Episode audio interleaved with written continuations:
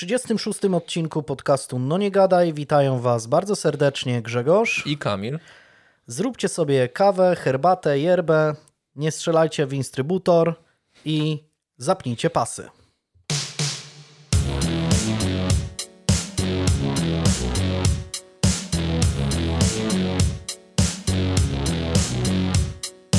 Tak, trochę przerwy, przerwy było, ale y, jest, y, jest chyba o czym rozmawiać, bo no dla mnie y, hitem ostatniego czasu był Kajko i Kokosz. A, no, myślałem, że o tym strzelaniu jednak, wspomnisz coś o tych oponach. Kajko i Kokosz, no kurczę, no godzinkę ale obejrzałeś obej, cały sezon. Obejrzałeś, no, no. nie, ale właśnie widzisz, bo odrobiłem lekcję, no bo tam jest pięć odcinków, nie? Tak, po 13 minut? Po 13 minut każdy, tak. Ale to nie jest tak, że to jest pierwszy sezon, tylko pierwszy sezon ma liczyć chyba 26 odcinków i one będą publikowane, kolejna jakby partia będzie jakoś w połowie roku. Czyli na plasterki to jest wszystko. Na plasterki. A trzecia chyba, w trzech jakby partiach to ma być publikowane. I ta ostatnia będzie chyba pod koniec, y, pod koniec tego roku albo na początku przyszłego. A to nie, to Więc... ja nie odrobiłem tej lekcji. No, no widzisz, bo ja też tak trochę, szczerze mówiąc, na początku um, Wsioczyłem. Nie, nie, czy, nie, czytałem za dużo na temat tego, jak, jakie to ma być i tak dalej. Dopiero jak już obejrzałem, to zacząłem jakieś tam wywiady z twórcami e, słuchać i czytać i właśnie no tak naprawdę te pięć odcinków poszło tak y, też tylko do Polski. E, te odcinki w innych krajach nie są jeszcze opublikowane. I dopiero jak będzie prawdopodobnie premiera e, całego sezonu na, na, cały, na cały jakby Netflix, mm, to, to wtedy też e, po prostu dostaniemy tę resztę, nie? Mhm. Więc, więc dla, dlatego tak. Więc mm, no to był taki po prostu jakby powiedzmy ukłon w stronę Polski, że dostaliśmy wcześniej. Nie? Trochę rozszerzony teaser. Tak, tak, tak. No.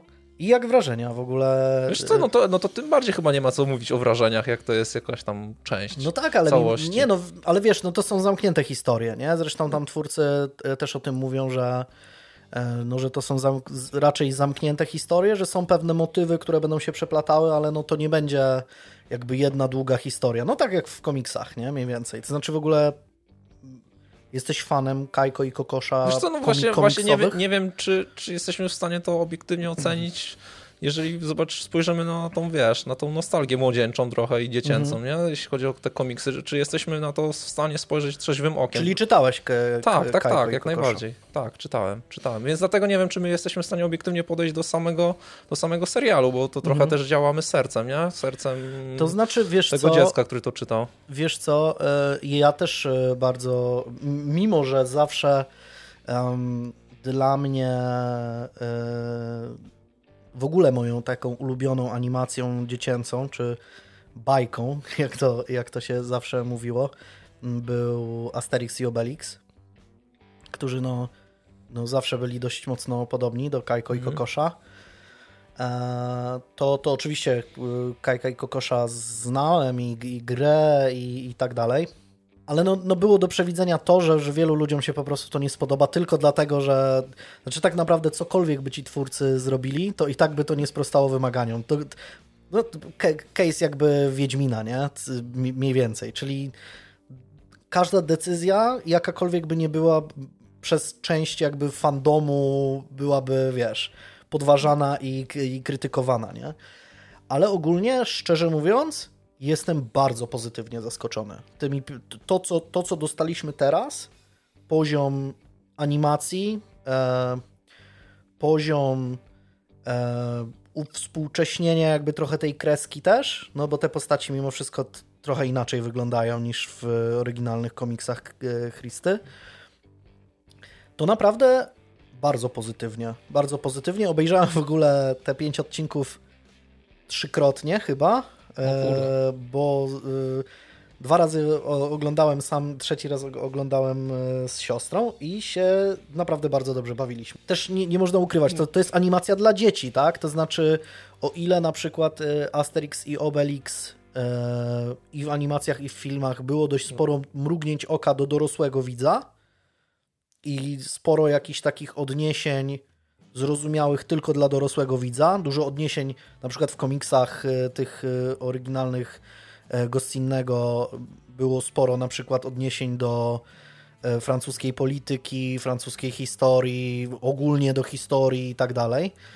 No to myślę, że w Kajku i Kokoszu tego jest bardzo mało, jeśli nie prawie w ogóle, tak?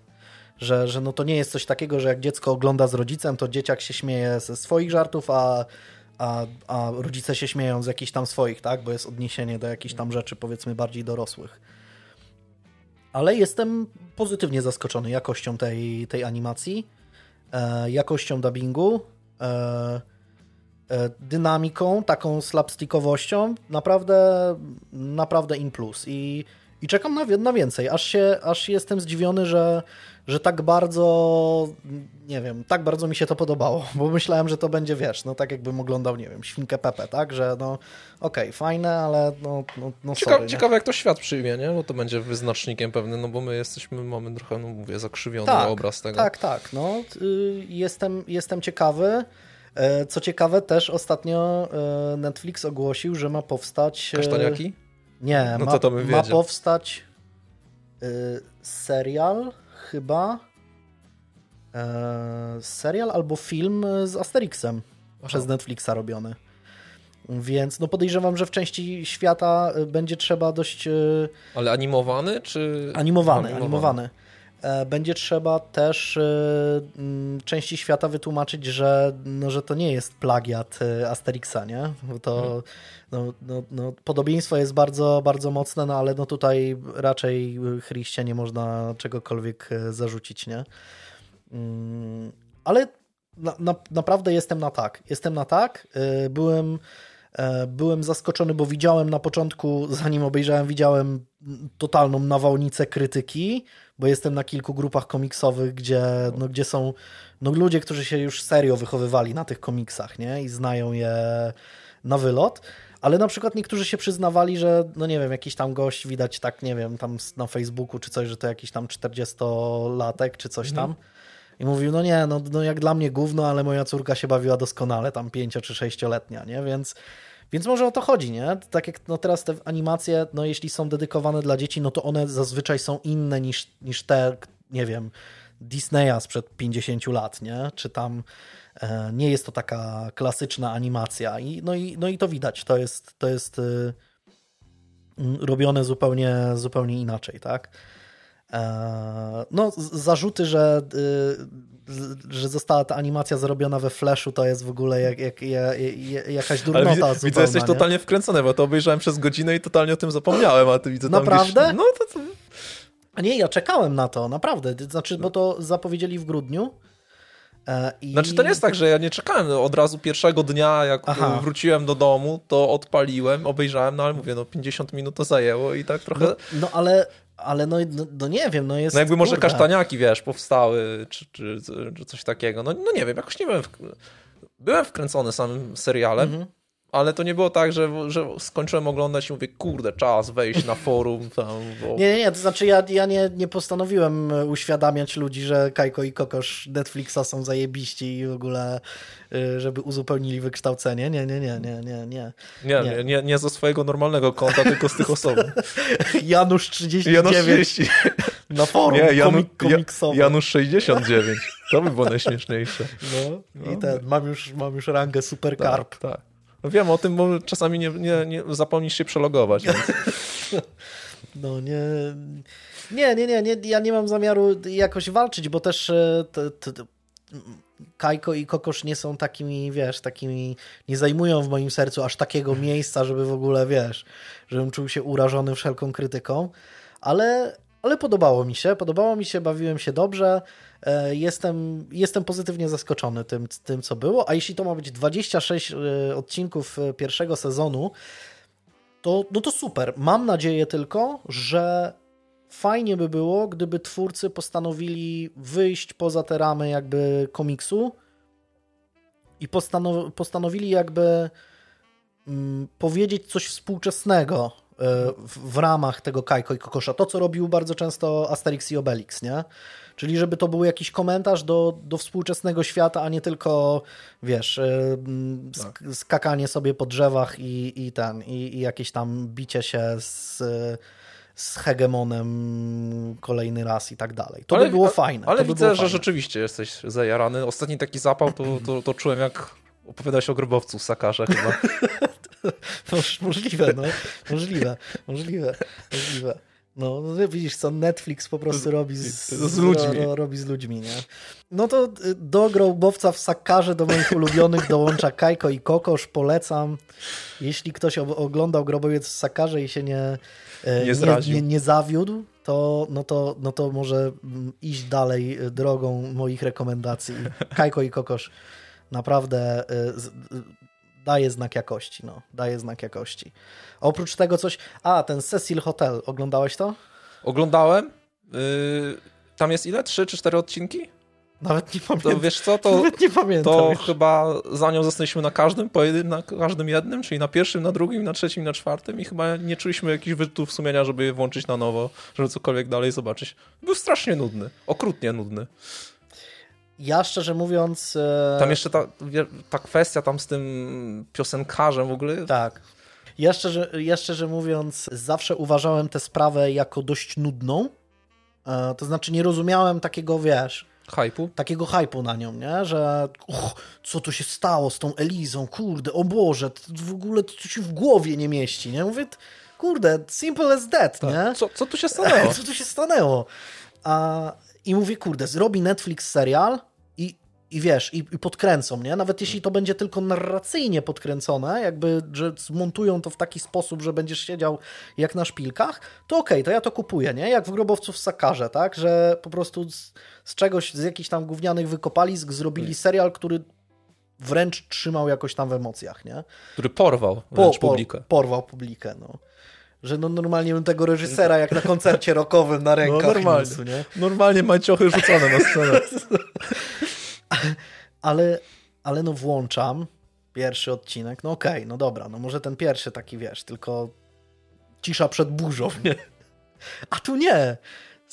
Beznadziejny był ten serial, nie? Beznadziejny. Znaczy, ale, ale dla równowagi oglądałem ostatnio Morderstwo wśród Mormonów, też na Netflixie. A, słyszałem. To dopiero jakoś Niedawno. kilka dni temu miało premierę, nie? I ja się na tym akurat się świetnie bawiłem. W ogóle sam, sam, sam, temat Mormonów, w ogóle takich, wiesz, yy, religii, które są trochę jakby sektą, wiesz, to jest sam temat. No, Każda religia jest sektą. Tak, tak.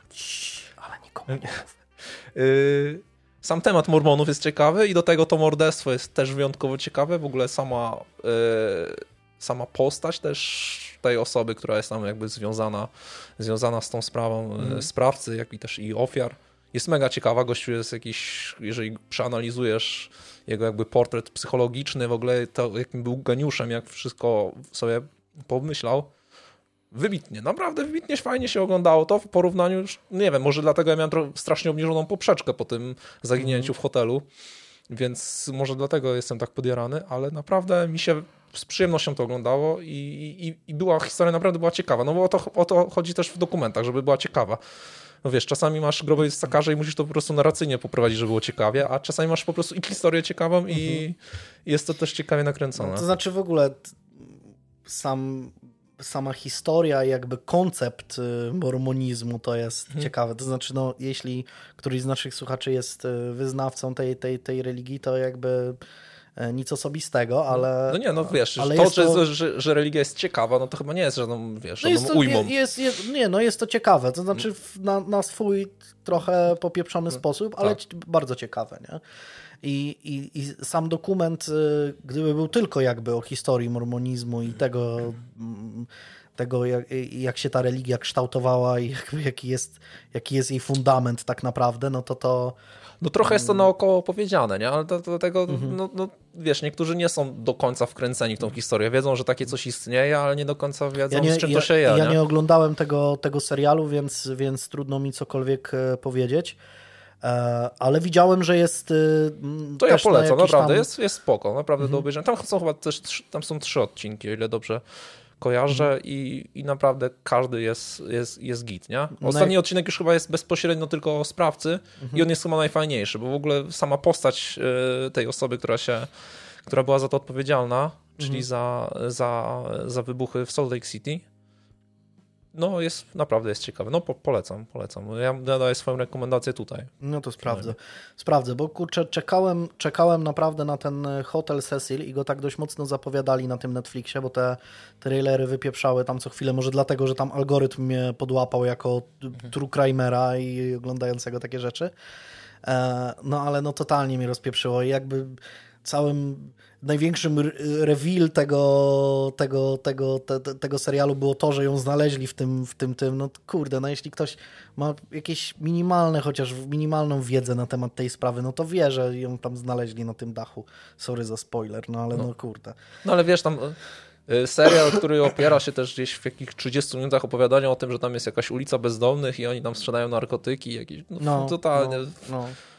no nie, no, no pff Słabe, rozwleczone. Słabe, słabe, słabe rozwleczone i, i tak jak nie, nie czułem tej sprawy przedtem, tak, tak kompletnie nie czuję jej teraz. No po prostu no prosta jak drut, oczywista i, i, jasna, co tam, co tam się wydarzyło. I Poza jakieś... tym wiesz, branie, branie e, do serialu jako ekspertów, jakichś ludzi, którzy wyszukują tak, sensacji no. gdzieś na Facebookach no. i tak naprawdę opieranie całej no. historii na, na, na tych ludziach, którzy no. Gdzieś tam szukają po necie, siedzą i tam wiesz, no to, to, tak samo można o płaskoziemcach powiedzieć, nie? Tych, którzy siedzą i tylko... No tak jak z, BBC zrobiło o Kubie Rozpruwaczu Ta... serial i no panie Kamilu, niech pan tak, nam tutaj... niech pan coś, coś powie. niech pan coś powie. No. No, no mniej no, więcej, no, no, ja bym przeczytał na Onecie dwa, no, dwa no, artykuły. No tak, no ale no to są ludzie, którzy gdzieś tam no, są podcasterami, okej, okay, dość znanymi, tak, e, bo, bo, bo, bo znanymi, no ale no bez przesady, nie? Bez przesady. Tam ten policjant, który się tym zajmował, miał mniej do gadania tak, niż no. baba, która pracowała w tym hotelu i jakiś tak. randomowy podcaster. Tak. No. no ludzie, trzymaj tam. Opanujcie się. No. Uspokój się. To już najciekawszy dość, chyba dość. był wątek z tym, z tym piosenkarzem, który po prostu został przez, ten, przez ten cały, całą tą nagonkę jakby zaorany, nie? To to było najciekawsze moim zdaniem. Ale to prostu... pokazuje, jak słabym to był, to był serial, skoro najciekawsze było właśnie to, nie? No. Tak, tak, tak. Znaczy on po prostu, wiesz, zupełnie y, zainteresowała mnie kwestia, która była tak no, naprawdę no, zupełnie poboczna, poboczna nie? No. Że wiesz, że poprzez to takie... Yy te wszystkie grupy kryminalne, gdzie się, wiesz, po prostu podejrzewa każdą osobę w mieście, tak jak jest na przykład obecnie ze sprawą z Delphi, gdzie ludzie wstawiają zdjęcia jakiegoś randoma, który gdzieś tam mieszka, wstawiają zdjęcia jego z Facebooka i mówią, ty, wygląda jak no. on, nie? I go stalkują i piszą do niego i wiesz, i, i tego typu rzeczy, no to to pokazuje do jakiej paranoi można dojść, będąc osobą zainteresowaną takimi tematami, nie? Że po prostu, wiesz, szukasz losowych ludzi i ich oskarżasz, kurde, o, o, o brutalne morderstwo. No wiesz, no bo też mogłoby się okazać, że ty, ty jesteś podobny do kogoś, kto tam zamordował kogoś oczywiście, w Indonezji na no, przykład, no, no, no, oczywiście, że tak, no. A ten, ten koleś był totalnym randomem, nie? Jakim po prostu tam kiedyś był. Nawet... I kiedyś napisał piosenkę jakąś, coś tak, tam. Tak, i jak napisał jakąś piosenkę, nie? No to wiesz, to na każdego można znaleźć tego typu ten, nie? No to... No haki. Ka każdy ma jakieś taśmy. To, to, to, było, to, to, była, to, to był najciekawszy dla mnie wątek, nie? Że po prostu zniszczyli tak naprawdę gościowi życie za, za nic, nie? Za nic. Zwłaszcza, że od razu gdzieś tam opublikował jakieś dementi, że no sorry, nie mam z tym w ogóle żadnego związku. No ale to pięknie, ale to pięknie, się właśnie, to pięknie obrazuje, jak słaby to był serial, słaby, skoro to słaby, jest najciekawsza słaby, część no, jego, nie? Słabe. Nie wiem, czy coś, co, coś jeszcze. Ja ostatnio y, czytałem jeszcze y, biografię Piotra Pustelnika. To jest Himalajista. I jest super. Więc jeśli ktoś interesuje się Himalajami, E, to, to, to, to polecam, bo jest, e, jest bardzo fajna. Piotr Pustelnik wielokrotnie był e, kierownikiem wielu, wielu wypraw w Himalajach, w Karakorum i bardzo, bardzo ciekawie opowiada o różnych, różnych kwestiach, o takich też detalach, powiedzmy czasami logistycznych, dotyczących zarządzania ludźmi na takiej wyprawie to to jest bardzo ciekawe. Jeśli, jeśli kogoś interesują e, górskie, górskie tematy, to, to po, polecam bardzo. O, bo, no bo, bo naprawdę, na, naprawdę cie, ciekawe, ciekawe życie bardzo miał e, Piotr Pustelnik. A co interesujące też, e, gdy zaczynał w ogóle swoją karierę, to jego instruktor skałkowy powiedział, że totalnie się chłop nie nadaje do wspinania i żeby dał sobie spokój. A jest jednym ze zdobywców korony Himalajów i Karakorum, więc. No to temat te, te, trochę jak, jak z tym skoczkiem ostatnio, o którym rozmawialiśmy, ten Polak. Jako... Andrzej Stęka. Andrzej Stęka. Do, no tak. jeżeli podejdziemy podróżniczo, no to no ja ostatnio byłem w Ustce, to nie wiem, czy można to przyrównać do, do Himalajów, ale Ustka bardzo ładna Prawie, miejscowość. No. Byłem tam kilkukrotnie. Ale to pokazuje, że jeśli ktoś ci mówi, że się do czegoś nie nadajesz, to bardzo możliwe, że się właśnie tak. do tego nadajesz, nie? A, no, Himalaje są spoko, Życie jest, jest przewrotne. Życie jest no. przewrotne. Więc jak ktoś ci powie, że Kamil, nie idź w te Himalaje, to ty idź. idź. No to idź. Idź i udowodnij. Idź, udowodnij. No. Poza tym, wiesz, jest, jest, y, jest ważna też zasada, że nieważne gdzie, ważne z kim, więc nawet czasami można się w Wąbrzeźnie świetnie bawić. Jasne. Więc można sobie górę Świętego Wawrzyńca zdobyć, Oczywiście. a nie trzeba zdobyć, wiesz, K2. Więc, Jasne. Więc to nie jest żadnym tym. Jasne. E, także podróżniczą kwestię zakończyliśmy. Nie, ja wiesz co, wyjątkowo dzisiaj, wyjątkowo dzisiaj wypisałem sobie rzeczy, bo trochę się dopieściłem filmowo, mhm. więc y, ja to skrócę, bo jest dużo tych filmów, ale to moje polecajki, na przykład Cząstki Kobiety, y, zwane są Kirby, no to się ogląda naprawdę, wiesz, z, z nożem przy gardle, bo to jest historia o utracie dziecka i w ogóle mhm. jest, no, jest no, bardziej straszny film o, o żałobie ogólnie, jako takiej. Ma tam, swoje, ma tam swoje plusy, minusy, na przykład męska rola jest moim zdaniem słaba i trochę nielogiczna i trochę urwana w, w pewnym momencie, ale pierwsza scena jest taka, że tak cię chwyta za serducho, że nie jesteś, za, znaczy za serducho, no wiesz, za gardło mhm. bardziej, bo nie, nie wiem, czy jesteś w stanie, czy niektórzy nie zrobią sobie melisy, to tego nie obejrzą do końca, bo jest naprawdę mocny i aktorsko jest przewybitny, nie? jeśli chodzi o, o główną rolę e, kobiecą. Jest wybitny mm. naprawdę, bo na twarzy tej kobiety widać i wiesz, i, i żałobę, i wiesz, i ból, i czasami taki też uspokoj... No wszystko widać. Na tej twarzy widać wszystko tak naprawdę. Aktorsko jest, jest świetny. O wszystko zadbam. Jest... Oglądałem też film na Netflixie e, z paną Pike. Z, tak. tak, Rosamund Pike. Tak, tak, tak, tak. tak, tak. Widziałem, taki, że taki, podobno, podobno całkiem, całkiem taki dobry. thriller, tak, wiesz, yy, nie taki szablonowy, mhm. ciekawy, naprawdę też mocna, mocna kobieca rola, yy, więc tak można sobie obejrzeć dla przyjemności, usiąść sobie Rosamund na kanapie. Pike jest super. Jest super, jest super, jest super. aktorką. Jest super. Yy, co jeszcze? Małe rzeczy oglądałem z Denzelem Washingtonem, tam który jest starym takim gliną. Kurde, ja w ogóle nie, nie znam tych filmów. Yy, starym Ale to są nowe filmy? To są nowe filmy, tak. Yy, Denzel Washington, Remy Malek, który gra detektywa i takiego powiedzmy trochę yy, zabójcę, psychopatę Jared Leto. Trochę klimat, bo to w ogóle cała historia dzieje się w latach 90., więc klimat też jest lat 90., trochę 7. Niektórzy lubią, niektórzy nie lubią. Ogólnie oglądało się spoko. Ostatnia scena moim zdaniem jest słaba, trochę przekombinowana, yy, nie do końca logiczna. I nie jest fajne to, że trochę się prowadzi widza za rączkę. Ja tego też nie lubię, że ktoś, wiesz, ktoś rozmawia z trupem i tłumaczy mniej więcej, co się działo. Mhm. To jest średnie, ale jak tak podejdziesz do tego, tak, tak na, na lajcioszku, to, je, to jest git. Yy, I co ostatnio wypisałem Maurytańczyka. Yy, totalnie, ty jesteś więcej tylko te Kajko i Kokosz 15 razy obejrzałeś i Grobowiec tak. Sakarza 73 i koniec. Y, no to Mauretańczyk to jest tylko o, y, to tak w skrócie, o więźniu z Guantanamo, który siedzi tam chyba 13 lat, ile dobrze pamiętam, bez, bez jakiegokolwiek zarzutu. I zostaje dopiero po 13 latach wypuszczony i to jest cała historia o nim. Hmm. Mm, Jodie Foster tam gra na przykład, jego, jego adwokatkę, co jest o, bardzo ciekawe. To ciekawe. Znaczy historia w ogóle Guantanamo to jest dość, dość mi no, no bliska. No, no warto dla samej historii. Tu miałem, też, nie? Miałem taki, taki czas, że się historią Kuby interesowałem, więc więc, e, więc tak, no to jest... Jakiego nie, Kuby? tak. Nie wiem, gdzie to mam. Nie. To, to może być. Tak. No to co? To Ta. chyba wszystko. Tym, tym pozytywnym akcentem. Nie wiem, czy damy radę nagrać, bo będzie, jest tak śmiesznie, że aż mnie wszystko boli.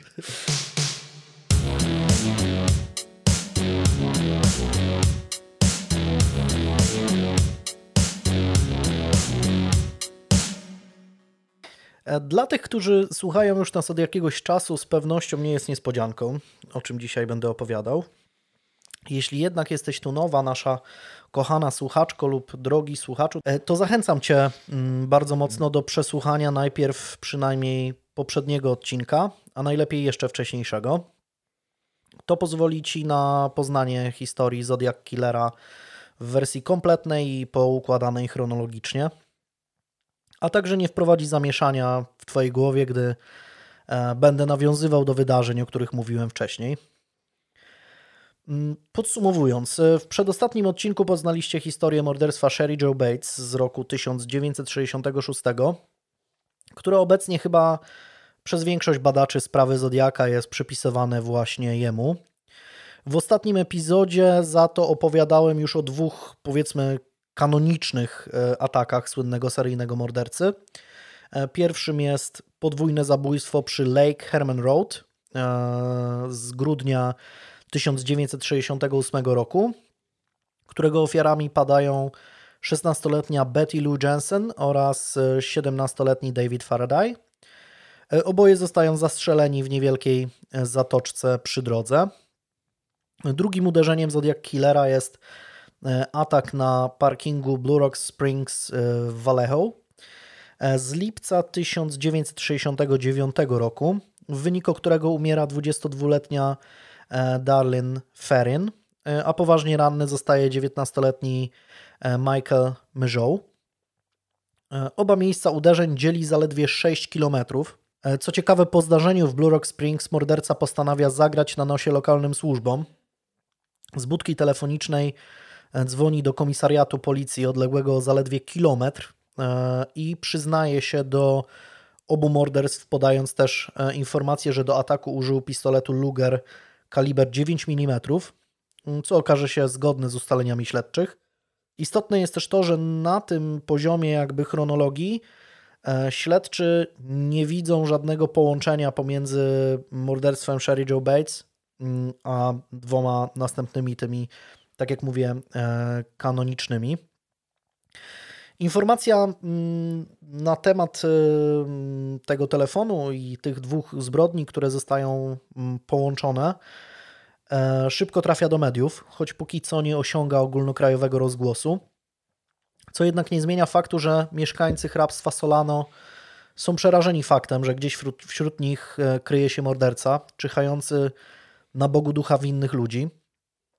Śledztwo, pomimo szeroko zakrojonych działań praktycznie staje w miejscu, a co najbardziej zastanawiające, niemożliwym okazuje się ustalenie motywu działania sprawcy, który zdaje się atakować swoje ofiary zupełnie bez powodu i bez wyraźnego motywu.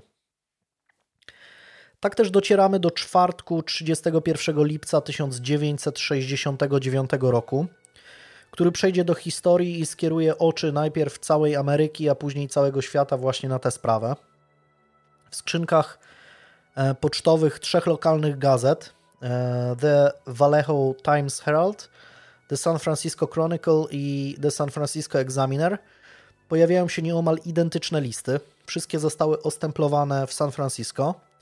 Na kopertach znajdują się dwa lub cztery znaczki sześciocentowe z podobizną Theodora Roosevelta. Do każdej z nich włożony jest dwustronicowy, odręcznie napisany list adresowany do redaktora naczelnego każdej z gazet. I warto tutaj nadmienić e, jedną być może istotną rzecz, że autor listów e, w sprawie Sherry Joe Bates, bo tam też pojawiały się mm, listy, mm, on też naklejał na koperty dwa znaczki, mimo że wymagany był tylko jeden. Tak naprawdę nie wiadomo dlaczego to robił, po co. E, co ciekawe, znaczki użyte przez mordercę Sherry przedstawiały również prezydenta USA, choć tamtym razem był to Abraham Lincoln. E, oczywiście może to być przypadek, ale mm, no... Ale nie sądzę. Ale, ale nie sądzę. E, oprócz listów w każdej z kopert znajduje się też mniejsza kartka wielkości mniej więcej 1 trzeciej standardowego papieru listowego.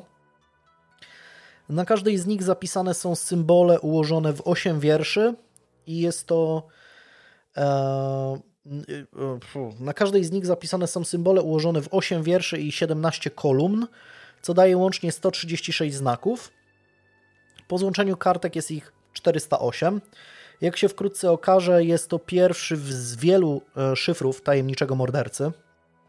Śledczy z FBI Opatrzą go sygnaturą Z408.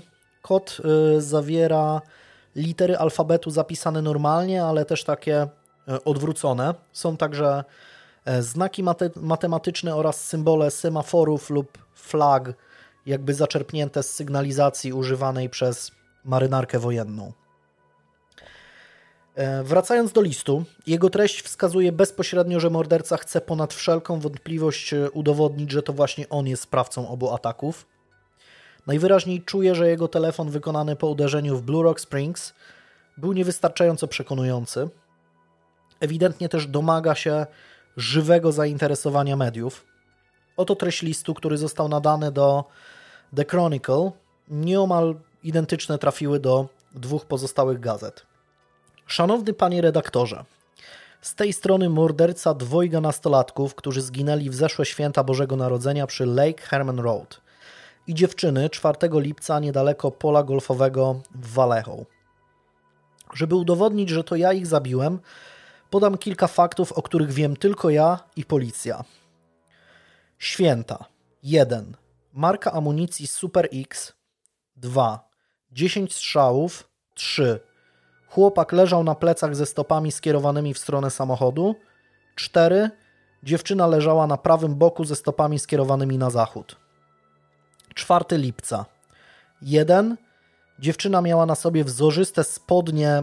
Tutaj morderca używa słowa slacks. Mm, I na forum poświęconym Zodiakowi jest cały wątek, który e, próbuje rozwikłać, czym, co miał na myśli mówiąc slacks, bo tak naprawdę może to być zarówno, mogą to być zarówno spodnie, jak i sukienka. Nie ma żadnych zdjęć ciała Darlene Ferrin, więc trudno powiedzieć, co miała ubrane, no ale na pewno miała albo spodnie, albo sukienkę właśnie w takie wzory. Gdzieś e, chyba nawet jest powiedziane, że e, w filmie tym o Zodiaku słynnym aktorka ma odwzorowany właśnie ubiór tej Darlene Ferrin, bo w jakiś sposób tam doszli dokładnie jak ona była ubrana. Więc, więc e, pra prawdopodobnie chodziło o sukienkę albo rodzaj takiego, to się nie wiem, nazywa spodnium czy coś takiego, no taki kostium, co, nie, nie coś pytam. takiego, no slacks. Po, po angielsku się to nazywa slacks, tylko że w tamtym czasie się to tłumaczyło jakby trochę inaczej i, i było to dość jakby dwuznaczne między spodniami a sukienką. Nie pytajcie. E, dwa, chłopak został między innymi postrzelony w kolano. Trzy, marka amunicji Western. I dalej morderca pisze. Znajdziecie tu też fragment szyfru. Jego pozostałe dwie części trafiły do Vallejo Times i San Francisco Examinera. Chcę, żebyście wydrukowali go na pierwszej stronie waszej gazety. To w nim zawarta jest moja tożsamość. Jeśli nie wydrukujecie go do wieczora 1 sierpnia 1969 roku, to w piątkową noc ogarnie mnie szał zabijania. Będę krążył po okolicy przez cały weekend, mordując w nocy samotnych ludzi tak długo, aż będę miał ich tuzin na koncie. No, więc. Yy, no więc. Na, najlepsze, co, co morderca może zrobić, yy, to pisać listy. Uwielbiam takich. Yy, takich to jest, to jest to jest dobre ogólnie. To tak jak y, w Polsce jest mniej takich chyba morderców, nie? No, na, no naj, naj, naj, nie. Znaczy to, to nie był morderca, nie doszły morderca, mój faworyt y, psychopata ciemności. I to właśnie też miał ten. Miał ten dryk. Tak, no. tak, tak. No, ten, ten, ten vibe taki, ten nie? Vibe, no. To się z tym trzeba urodzić chyba. się z tym trzeba urodzić, no. Tak samo jak ten, ten y, strażnik z Westfield i tak dalej. No kurde, to jest Podoba mi się to. Podoba mi. On tutaj tylko w tych ostatnich zdaniach, tak wiesz, poczuł, że coś trzeba jeszcze no. troszeczkę Trochę tego... tak ten bagnet francuski dokręcić. troszeczkę pieprzyku dodać no. i podoba mi się. Podoba mi się naprawdę ten szał zabijania jak najbardziej. No i to, jest y, koniec tego listu. Mm, na końcu, na samym dole znajduje się symbol celownika, ten słynny e, symbol celownika lub krzyża celtyckiego, zależnie jak się to interpretuje który sta stanie się e, z czasem znakiem rozpoznawczym sprawcy. Język użyty w listach znacznie różni się od tego, którego autorem był sprawca morderstwa Sherry Joe Bates. O ile nadawca tamtego używał kwiecistego, no można powiedzieć nieomal poetyckiego języka, choć trzeba przyznać też, że niecałkowicie wolnego od błędów. O tyle te listy są spisane w sposób bardzo prosty. Sama forma zapisu jest chaotyczna i koślawa. Załączę zresztą te listy, bo ich skany są, są dostępne. Sam, sama forma zapisu jest taka strasznie, strasznie dziwna. Tak, no, no, mm, kaligrafii to, to nie, nie studiował. Mm. Jest w nich też oczywiście sporo błędów ortograficznych.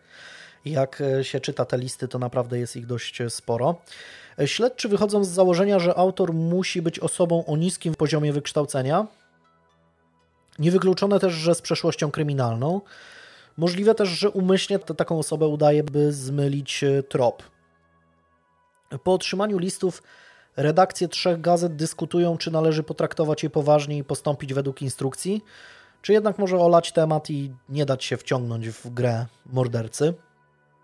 W tym czasie E, Chronicle i Examiner są rywalizującymi ze sobą tytułami w San Francisco. Ta pierwsza jest dziennikiem porannym, a druga popołudniowym. Współpracują jednak ze sobą w taki sposób, że niedzielne wydanie drukują razem na podstawie wspólnie zebranych materiałów. W podobny sposób wygląda sytuacja w Vallejo. Dwie rywalizujące ze sobą gazety Vallejo Times Herald i Vallejo Evening Chronicle e, mają wspólne niedzielne wydanie z tą różnicą, że są zarządzane przez e, tego samego właściciela. W końcu dzienniki decydują się wydrukować szyfr, choć nie wszystkie postępują w 100% według zaleceń autora listu. Jedynie News Chronicle publikuje, mm, wywiązuje się z, z tego zadania. Pozostałe wręcz no, zdają się droczyć z żądnym rozgłosu zabójcom, bo Examiner co prawda publikuje w piątkowym wydaniu artykuł na temat otrzymanego listu, ale znajduje się on na trzeciej stronie i nie zawiera samego kodu. W sobotę Chronicle i Times Herald publikują teksty odpowiednio na czwartej i pierwszej stronie, ale również z niepełnym szyfrem. Dopiero w niedzielnym łączonym wydaniu Chronicle i Examinera pojawiają się wszystkie trzy części kodu razem na pierwszej stronie, ale są częścią artykułu pod tytułem Groźba masowego morderstwa w Vallejo nie zostaje spełniona, więc trochę sobie robią bekę z, z mordercy. Nie wiem, czy to w sumie dobry pomysł, ale też dość istotne jest, że wtedy też e, po raz pierwszy, właśnie w tym artykule, pada mm, pierwszy mm, pseudonim mm, mordercy, bo dziennikarze nazywają go Cypher Killerem, czyli szyfrowym zabójcą. Sposób działania autora listu można uznać za istne mistrzostwo morderczego marketingu. Badacz sprawy Zodiaka Mark Hewitt w swojej książce napisze, tu cytat, produktem było morderstwo, walutą strach. Manipulował uległą prasą, nie posiadając żadnego budżetu reklamowego. Ludzie byli bezsilni wobec tego nowego, makabrycznego brandu, uderzającego wyraźnego przekazu, wirusowo rozprzestrzeniających się memów bo tak naprawdę ten szyfr dość e, charakterystyczny mm, można uznać za taki, za taki mem, za coś, co, co tak samo ten znak, tak? Stworzenie w pewien sposób brandu, stworzenie swojego znaku rozpoznawczego, no to jest coś, co, co się raczej nie, nie pojawiało dotychczas wśród, e, wśród morderców, a Zodiak właśnie to, właśnie to zrobił. Więc można tutaj to porównać do takiego marketingu. E, pomimo tego, że nad złamaniem zakodowanej wiadomości głowią się kryptografowie amerykańskiej marynarki wojennej, to rozwiązanie przychodzi dość niespodziewanie, gdy w niedzielę 3 sierpnia pojawiają się w gazecie wszystkie trzy części szyfru, setki, a może nawet tysiące mieszkańców północnej Kalifornii próbuje rozwiązać zagadkę. Zaskakująco szybko Udaje się tego dokonać nie wojskowym fachowcom, ale licealnemu nauczycielowi historii i ekonomii, Donaldowi Hardenowi i jego żonie Betty z miasta Salinas. E, ci, będąc fanami różnego rodzaju zagadek i szyfrów, e, postanowili wziąć wolne w pracy i wspólnie pogłówkować nad zakodowaną wiadomością. Po 29 godzinach próbowania różnych metod w końcu odnieśli sukces. Przełomem okazało się znalezienie czteroznakowych sekwencji, które odpowiadały słowu Kill. Później Betty wpadła na pomysł, że dość szybko powinno udać się też rozkodować przyrostek ing. Gdy to też się udało, metodą prób i błędów rozkodowali całą wiadomość. W wywiadzie udzielonym prasie Harden jednak nie kryje podziwu dla umiejętności twórcy szyfru. Tłumaczy w nim, że morderca zastosował kilka przebieg przebiegłych sztuczek, które znacznie utrudniły rozwiązanie zagadki. Przede wszystkim najpopularniejsza w języku angielskim litera E miała kilka odpowiedników w samym kodzie. Popełniono też kilka najprawdopodobniej umyślnych błędów, pominięć niektórych liter i mm, pomyłek w szyfrowaniu. E, no i oto treść zaszyfrowanej wiadomości. Lubię zabijać ludzi, bo to świetna zabawa. Lepsza niż polowanie w lesie, bo to człowiek jest najniebezpieczniejszym zwierzęciem ze wszystkich. Zabijanie daje mi więcej doznań, jest lepsze niż orgazm. Najlepsze jest jednak to, że gdy umrę, odrodzę się w raju i wszyscy, których zabiłem, staną się moimi niewolnikami. Nie zdradzę wam swojego imienia, bo będziecie próbowali spowolnić lub powstrzymać mnie przed zbieraniem moich pośmiertnych niewolników. No, grubo. Z jakiegoś powodu na końcu szyfru znajduje się 18 e, znaków, które po rozkodowaniu nie tworzą żadnych słów.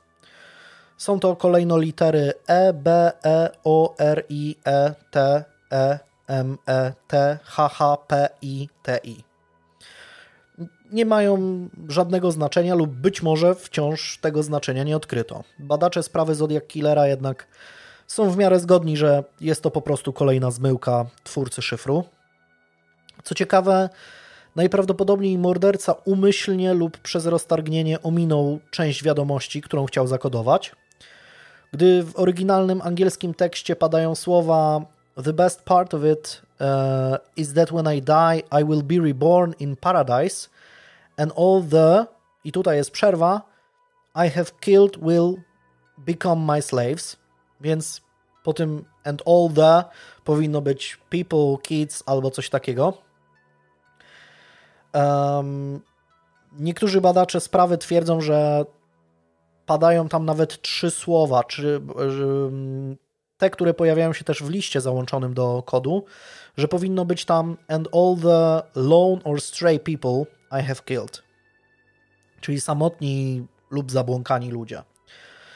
E, no trudno powiedzieć, co tam, co tam miało być, no ale na pewno coś e, morderca ominął, mm, świadomie lub nie.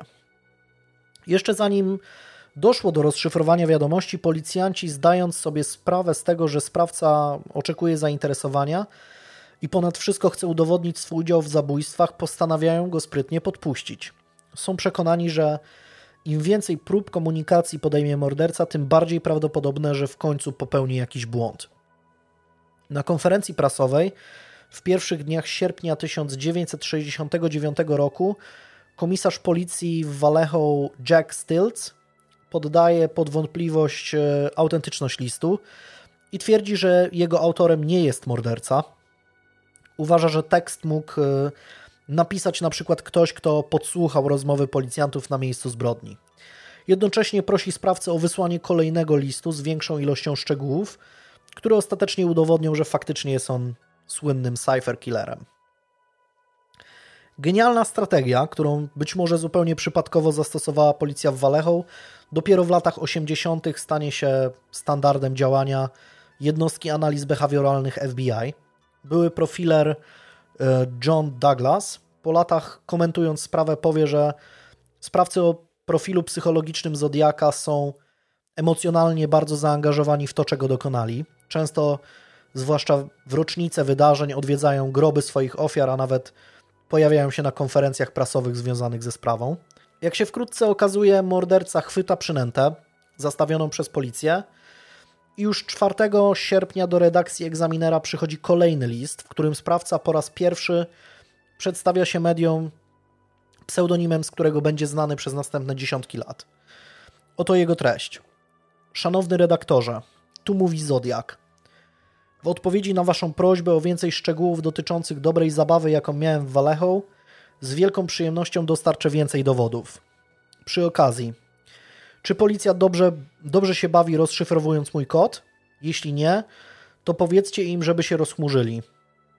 Gdy go złamią, będą mieli mnie w garści. 4 lipca. Nie otworzyłem drzwi samochodu, szyba była opuszczona. Chłopak siedział z przodu samochodu, gdy zacząłem strzelać. Gdy oddałem pierwszy strzał w stronę jego głowy, rzucił się do tyłu, więc nie trafiłem. Najpierw znalazł się na tylnej kanapie, a później na podłodze z tyłu, kopiąc gwałtownie nogami. Dlatego postrzeliłem go w kolano. Nie odjechałem z piskiem opon, żyłując silnik, jak opisano to w gazecie w Vallejo. Zrobiłem to dość wolno, by nikt nie zwrócił uwagi na mój samochód. Mężczyzna, który powiedział policji, że moje auto jest brązowe, to murzyn, około 40-45 lat, niezbyt dobrze ubrany. Przechodził obok, gdy byłem w budce telefonicznej, dobrze się bawiąc z gliną z walechą. Gdy tylko odłożyłem słuchawkę, ten pieprzony telefon zaczął dzwonić, co zwróciło jego uwagę na mnie i mój samochód. Zeszłoroczne święta. Policjanci dziwili się, jak udało mi się strzelać do moich ofiar w ciemności.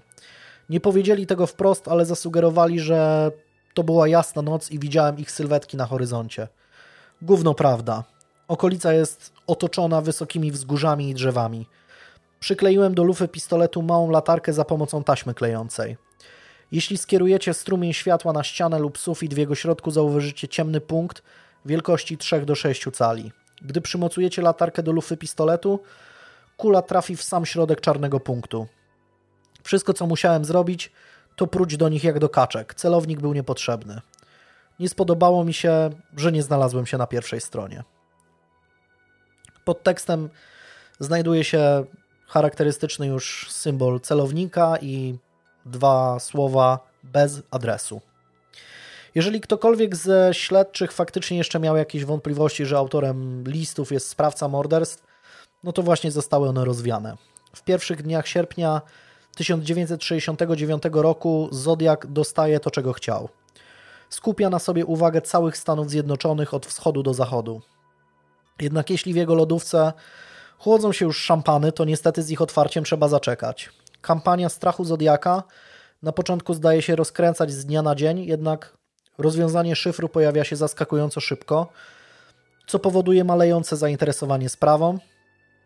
I wtedy 8 sierpnia 1969 roku, jak na złość, w południowej Kalifornii ma miejsce istne trzęsienie ziemi. W piątkową noc grupka mm, czworga ubranych w czerń rozczochranych hipisów morduje będącą w ciąży i zyskującą na popularności aktorkę Sharon Tate, żonę słynnego reżysera Romana Polańskiego, a także trójkę ich przyjaciół i przypadkowego nastolatka, który znalazł, znalazł się akurat w złym miejscu i w złym czasie. Na drzwiach wejściowych do domu krwią jednej z ofiar piszą słowo świnia. Następnej nocy ta sama grupka morduje jeszcze kolejne dwie osoby. Na ciele jednej z ofiar wycinają słowo wojna, a na drzwiach lodówki krwią zapisują słowa Helter Skelter, nawiązujące do tytułu piosenki The Beatles. Na ścianach również krwią malują e, napisy Śmierć świniom i Powstanie. No i jak pisał nasz wieszcz, Zodiak już był w ogródku, już witał się z gąską, a tu jak na złość ten drań Manson wchodzi na scenę i przez nadchodzące miesiące oczy dosłownie wszystkich kierują się tylko na niego. Wszystko wskazuje na to, że w tym momencie bohater naszej historii dochodzi do wniosku, że musi po prostu przebić rodzinę Mansona, by znów stanąć w blasku reflektorów i kontynuować swój one-man show. Nadchodzi wrzesień, 22-letnia studentka Uniwersytetu Kalifornijskiego w Riverside, e, Cecilia Shepard, postanawia wrócić na swoją poprzednią uczelnię, by wziąć z akademika kilka rzeczy, których nie zabrała podczas swojej przeprowadzki, a przy okazji spotkać starych przyjaciół. Pacific Union College to niewielka szkoła wyższa mająca swoją siedzibę w Dolinie Napa, e, słynącej z produkcji doskonałych win. Miasto Engwin, w którym mieści się uczelnia, jest położone jakieś 120 km od San Francisco. Właśnie tam podczas pierwszego roku studiów Cecilia poznała dwa lata młodszego od siebie Briana Hartnella, z którym przez pewien okres się spotykała. Po pewnym czasie jednak ich drogi rozeszły się i ci postanowili zostać przyjaciółmi. Jest 27 września, sobota. Dziewczyna nie planuje spotkania ze swoim ex-chłopakiem. Ten zresztą nic nie wie o, o tym, że jego była dziewczyna jest w okolicy. Ze względu na sentyment, Cecilia postanawia zjeść lunch w uczelnianej stołówce, e, gdzie zupełnie przypadkiem spotyka się z Brianem. Po krótkiej rozmowie postanawiają razem spędzić popołudnie. Na początku planują udać się do San Francisco, ale szybko zmieniają plany. Podróż w jedną stronę zajęłaby im dobre dwie godziny. Podejmują więc decyzję, że, że udadzą się do pobliskiego miasteczka San Helena, gdzie idą na pchli targ. E, tam Brian kupuje stary telewizor, ale gdy pakuje go do swojego dwuosobowego Volkswagena Carmen Gia, orientuje się, że nie zmieści się już do niego Cecilia. No ta najpewniej zachwycona jest przenikliwością swojego ex. Mm, zgadza się poczekać, aż chłopak zawiezie telewizor do swojego akademika i po nią wróci. Około godziny 14 postanawiają, że razem spędzą czas nad pobliskim jeziorem Beriesa, sztucznym zbiornikiem zasilającym okolice w wodę, jednocześnie będącym popularnym miejscem rekreacyjnym dla lokalsów. Mniej więcej godzinę później zjawiają się na miejscu. Brian zna okolice i był tu już przedtem. Ma zresztą nad brzegiem jeziora swoje ulubione miejsce, które chce pokazać Cecilii. Przez pewien czas jeżdżą w tej z powrotem e, Knoxville Road biegnącą wzdłuż jeziora, ale niestety chłopak nie jest w stanie odnaleźć swojej miejscówki. Zatrzymują się więc i zostawiają samochód w pierwszym lepszym miejscu przy drodze. Od Knoxville Road do niewielkiego półwyspu dzieli ich jakieś 400 metrów, które przemierzają piechotą, biorąc ze sobą tylko koc i talię kart. Na miejscu kładą się pod drzewem i rozmawiają przez pewien czas. W pewnym momencie Hartnellowi zdaje się, że słyszy szelest liści. Jest y, przed godziną 18. Leżąc na plecach ma wzrok skierowany w stronę brzegu. Poza tym nie ma okularów, więc prosi Cecilię, by spojrzała w tamtą stronę. Dziewczyna zauważa jakieś 200 metrów od nich mężczyznę, który kieruje się w ich stronę. Ten najwidoczniej, gdy orientuje się, że został zauważony, znika za drzewem. Gdy Cecilia nie kryje zaniepokojenia obecnością nieproszonego gościa, Brian uspokaja ją i bagatelizuje sprawę. Chwilę później jednak dziewczyna ściska ramię chłopaka i krzyczy: O mój Boże, on ma broń. Wtedy tajemniczy mężczyzna pojawia się już tuż obok nich. Nieznajomy ma między 20 a 30 lat, waży mniej więcej 85-90 kg i ma około 1,80 m wzrostu. Jest biały i ma ciemnobrązowe włosy. Nie byłoby w jego wyglądzie nic dziwnego, gdyby nie czarny, sięgający prawie do pasa, płócienny kaptur, zakrywający jego głowę i ramiona.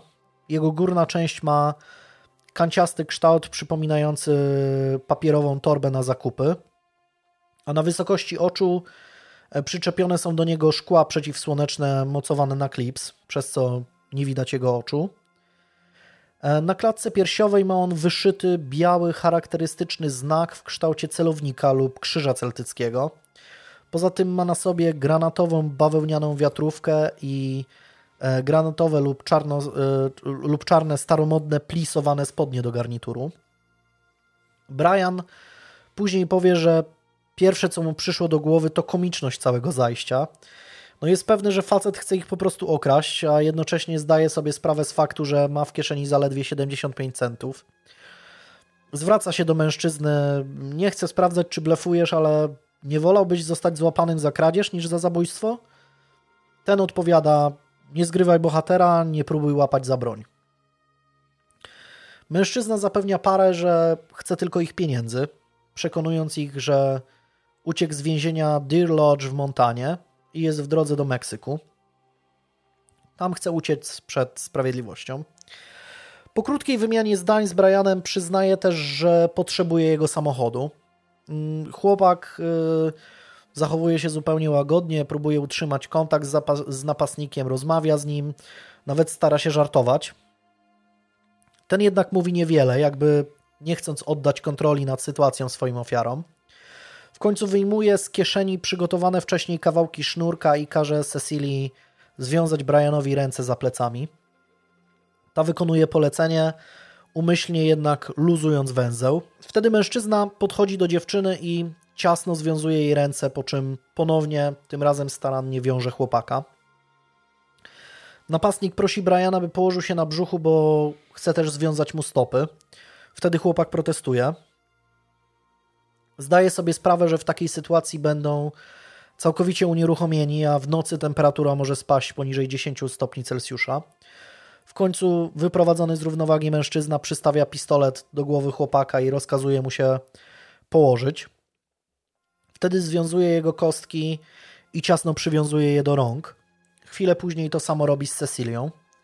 Wtedy Brian zauważa, że napastnikowi trzęsą się ręce, więc pyta się go, czy ten jest zdenerwowany, na co rozbawiony mężczyzna odpowiada tak, chyba tak.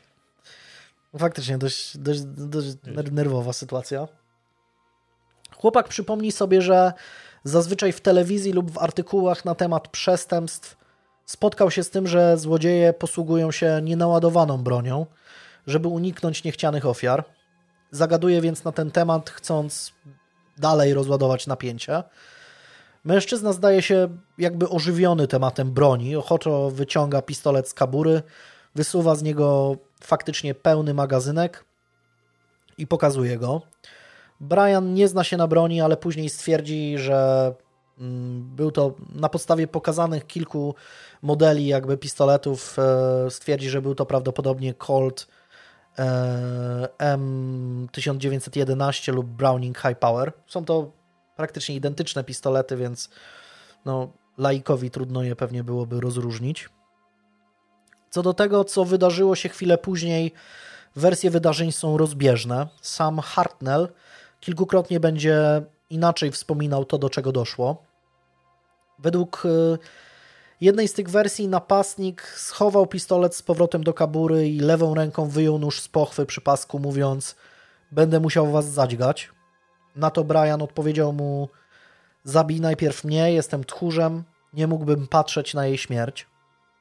Według innej wersji mężczyzna miał sięgnąć po nóż i bez słowa sześciokrotnie dźgnąć chłopaka w plecy. Hartnell zapamięta, że ostrze o długości około 30 cm wyglądało na zrobione chałupniczo. Przypominało, bagnet francuski. francuski. Rękojeść była wykonana z dwóch kawałków drewna i dwóch mosiężnych nitów e, owiniętych białą taśmą. Brian nie podejmuje walki z napastnikiem, nie próbuje się wyrywać czy wierzgać. Zaskoczony przebiegiem wydarzeń nawet nie krzyczy. Gdy ten przestaje dźgać, chłopak e, leży bez ruchu, udając, że nie żyje. Najwidoczniej robi to w sposób przekonujący, bo mężczyzna skupia wtedy swoją uwagę na Cecilii. Gdy dziewczyna orientuje się, co ma się za chwilę wydarzyć, nieomal traci przytomność, wyrywa się i wrzeszczy. Otrzymuje pięć ciosów w plecy, a gdy udaje jej się odwrócić, zostaje dźgnięta co najmniej kolejnych pięć razy. Brian będzie później wspominał, że atakując dziewczynę, napastnik wpadł w rodzaj szału. Wyglądał jakby zupełnie nad sobą nie panował. Będąc przekonany, że ofiary zostały śmiertelnie zranione i nie mają szans na wyjście z tego cało, zakapturzony mężczyzna odchodzi bez słowa, nie zabierając ze sobą ani portfela Briana, ani kluczyków do jego samochodu. Oboje, pomimo bardzo poważnych ran, są jednak przytomni, ale zdają e, sobie sprawę, że ich życie wisi na, na włosku. Starają się zwrócić e, na siebie uwagę, krzy krzycząc e, w stronę pływających po jeziorze wędkarskich łodzi, ale mają wrażenie, że nikt nie zwraca na nich uwagi. Jedna z łódek zatrzymuje się, ale po pewnym czasie odpływa. Nie zdają sobie sprawy, że Kierujący nią mężczyzna orientuje się, że coś jest nie tak i chce wezwać pomoc. W końcu Cecilii udaje się częściowo oswobodzić, co pozwala jej na poluzowanie jednego z węzłów Briana. Chwilę później są już wolni, ale wciąż potrzebują błyskawicznej pomocy. Hartnell, przekonany, że nikt nie wie o ich położeniu, decyduje się pójść w stronę Knoxville Road i poszukać ratunku. Udaje mu się pokonać zaledwie trochę ponad 200 metrów. W tym samym czasie właścicielowi łódki, Richardowi Fongowi, udaje się powiadomić policję o dziwnym zajściu nad brzegiem jeziora. Zgłoszenie zostaje przekazane przez radio do strażnika Denisa Landa, który szybko odnajduje słaniającego się na nogach chłopaka. Ten, mając już poważne zaburzenia świadomości, na początku jest przekonany, że to morderca wrócił, aby go dobić. Zauważa jednak odznakę Park Rangera i to go uspokaja. Gdy razem wracają do Cecilii, na miejscu jest już z powrotem Richard Fong z innym strażnikiem i dwoma przypadkowymi ludźmi, którzy zabrali się z nimi, by pomóc. Razem starają się mm, no jakby opatrzyć dziewczynę i wzywają pogotowie. Karetka jedzie aż z Napa, co zajmuje jej prawie 45 minut. Gdy Brian i Cecilia trafiają do szpitala jest 20.50, więc od ataku minęło prawie 2,5 godziny. Stan chłopaka zdaje się być w miarę stabilny, choć jest w szoku i mówi tylko pojedynczymi, krótkimi frazami. Kondycja dziewczyny jest dużo gorsza, bo ta jest już w stanie śpiączki. Zaledwie godzinę i 10 minut wcześniej dyżurny telefonista w Wydziału Policji w Napa, David Slade, odbiera telefon i słyszy spokojny głos, który opisze jako należący do młodego mężczyzny mającego niewiele ponad 20 lat. Chciałbym zgłosić morderstwo. Nie. Podwójne morderstwo. Są dwie mile na północ od siedziby parku. Byli w białym Volkswagenie Carman Gia. Na początku funkcjonariusz nie zdaje sobie sprawy z powagi sytuacji i chce uzyskać więcej informacji, pytając, gdzie pan jest? Na co rozmówca odpowiada, to ja to zrobiłem. Zaraz po tym odkłada słuchawkę, nie rozłączając się. W tle słychać tylko ruch drogowy i głosy przechodniów. Slate natychmiast informuje przełożonych o telefonie i prosi operatora o namierzenie połączenia. E, jednak budkę, z której skorzystał napastnik, udaje się znaleźć nie policjantom, a dziennikarzowi stacji radiowej w Napa, Patowi Stanleyowi, który podsłuchując policyjną komunikację radiową postanawia wsiąść w samochód i zaangażować się w poszukiwania. Mijając myjnię samochodową na rogu Main i Clinton Street, zauważa budkę telefoniczną, w której słuchawka nie jest odwieszona na widełki. Gdy ją podnosi, nawiązuje kontakt z operatorem, który pilnuje połączenia. Jak się okazuje, nieuchwytny sprawca po raz kolejny postanowił zagrać na nosie stróżą prawa. Budka telefoniczna jest oddalona od budynku Wydziału Policji w Napa o zaledwie 800 metrów. Gdy funkcjonariusze biura szeryfa przystępują do zabezpieczenia miejsca zbrodni, okazuje się, że strażnicy mm, dość niefrasobliwie postanowili zebrać wszystkie rzeczy, które tam były na, na, na miejscu zbrodni, łącznie z zakrwawionymi sznurami, i przewieźć je do siedziby parku.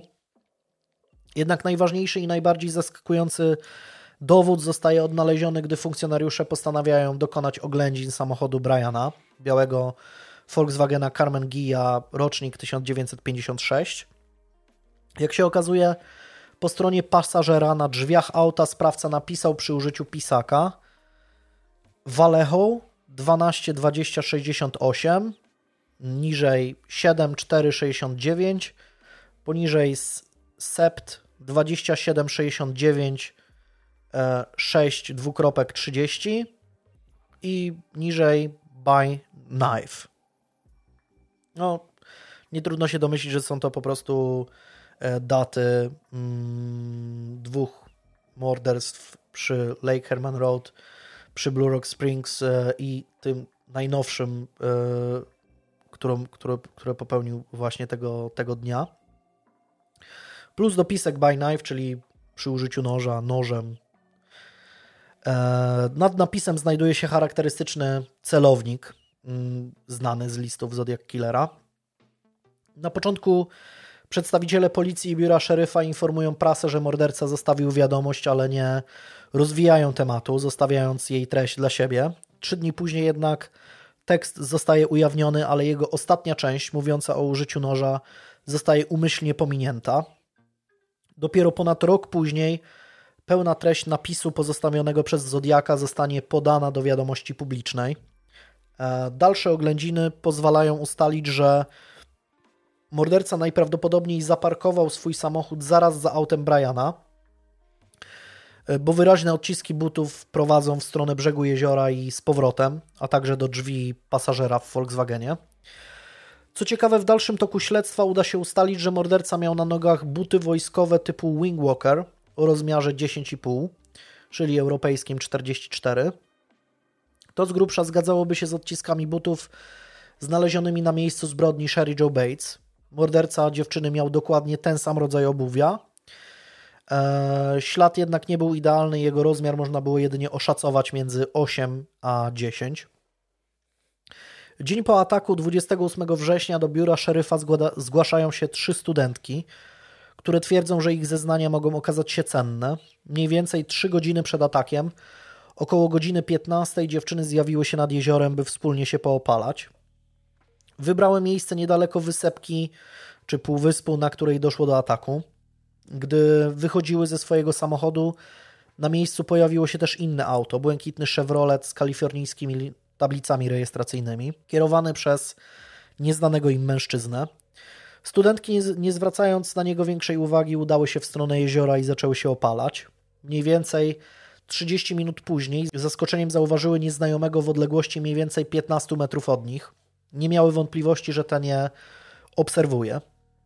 Gdy jednak któraś z nich kierowała wzrok w jego stronę, ten natychmiast odwracał się, udając, że się wcale nimi nie interesuje. Następne pół godziny później mężczyzna przeszedł obok nich mniej więcej w odległości 5 metrów i zniknął im z oczu. Gdy wróciły do samochodu około 16.30, błękitnego Chevroleta nie było już na parkingu. Dziewczyny opisało nieznajomego jako mniej więcej 30-letniego białego mężczyznę mającego trochę ponad 1,80 m wzrostu i ważącego między 90 a 100 kg. Jego budowę ciała opisały jako krępą.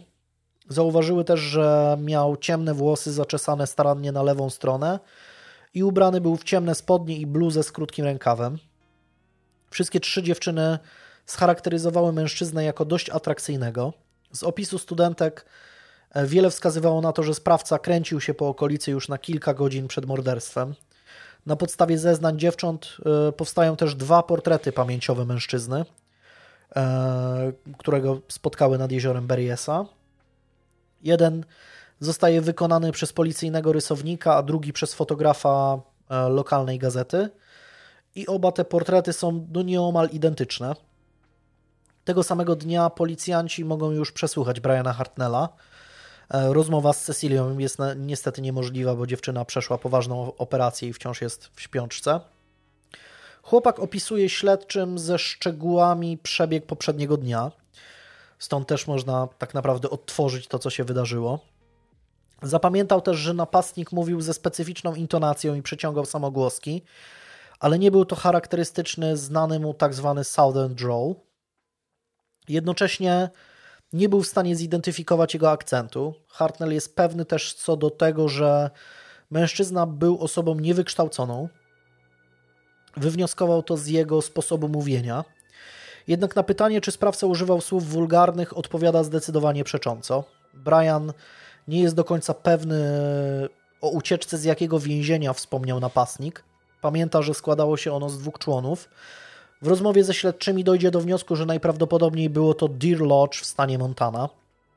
Nietrudny do zweryfikowania będzie fakt, że w ostatnim czasie ani z więzienia Deer Lodge, ani z żadnego innego nie uciekł żaden więzień.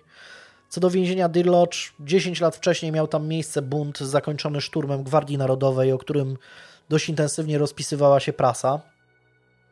Bardzo prawdopodobne więc, że akurat ta nazwa po prostu przyszła sprawcy do głowy i rzucił ją bez większego zastanowienia, żeby wzbudzić jakiś tam respekt wśród e, ofiar. 29 września, dwa dni po morderstwie, Cecilia Shepard umiera w szpitalu.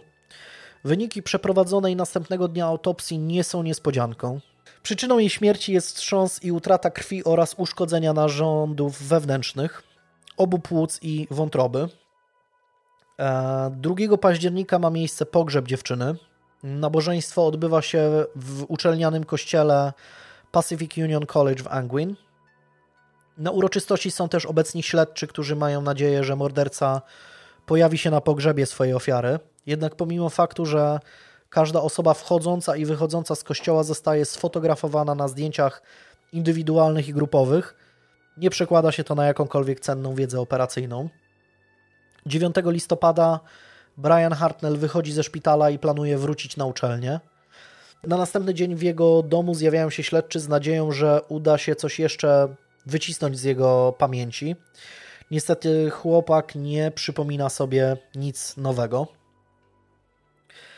Pomiędzy atakami przy Lake Herman Road i Blue Rock Springs Zodiak e, miał 196 dni przerwy. Wydarzenia z nadjeziora Berriesa miały miejsce po przestoju zaledwie 85-dniowym. Fakt, że morderca wyrusza na łowy w coraz krótszych odstępach, bardzo martwi śledczych. Zastanawia ich też kwestia, co może być powodem zmiany terenu działania sprawcy. Pierwsze dwa miejsca ataków dzieli zaledwie kilka kilometrów, podczas gdy jezioro Berriesa jest odległe od nich o prawie 80 kilometrów. Nie spodziewają się jednak, że kolejne uderzenie mordercy nastąpi tak szybko i tak niespodziewanie. Manson ukradł mu zainteresowanie mediów, uderzając w Beverly Hills. Bez wątpienia Zodiak odrobił zadanie domowe i postanawia postąpić podobnie, wymierzając cios w samo serce San Francisco. 2 października 1969 roku Examiner publikuje na ósmej stronie krótki artykuł informujący o postępach w śledztwie, a raczej ich braku. Tekst zostaje podsumowany cytatem z wypowiedzi szeryfa hrabstwa Napa Dona Townsenda, który mówi: Jeśli nie schwytamy tego człowieka, on zabije ponownie. No i jak się okazuje, jak się wkrótce okaże, słowa te są prorocze. Co dokładnie się wydarzy? Jak rozwinie się ta historia w następnym odcinku? W następnym odcinku.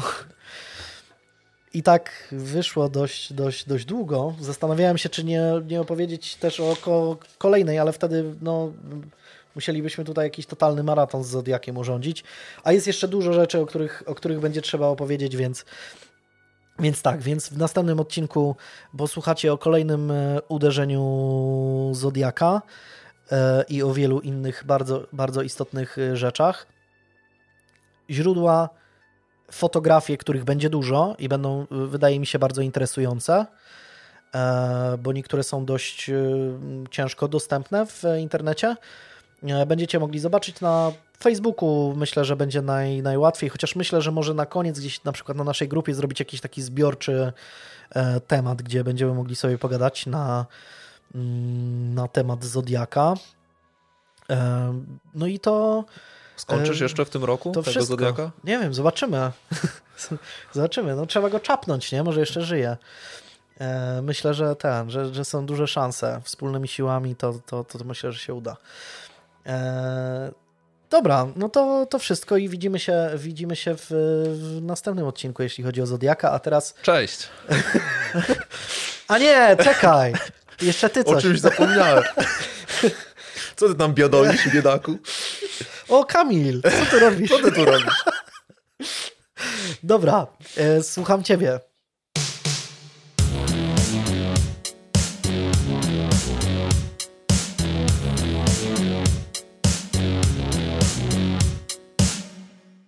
Ja dzisiaj wyjątkowo mam historię z Polski, nie ze zgniłego zachodu, a dokładnie z Kamienic, y, gdzie lekarz Kamienickiego Ośrodka Zdrowia wprowadził się do domu parafialnego 1956 roku.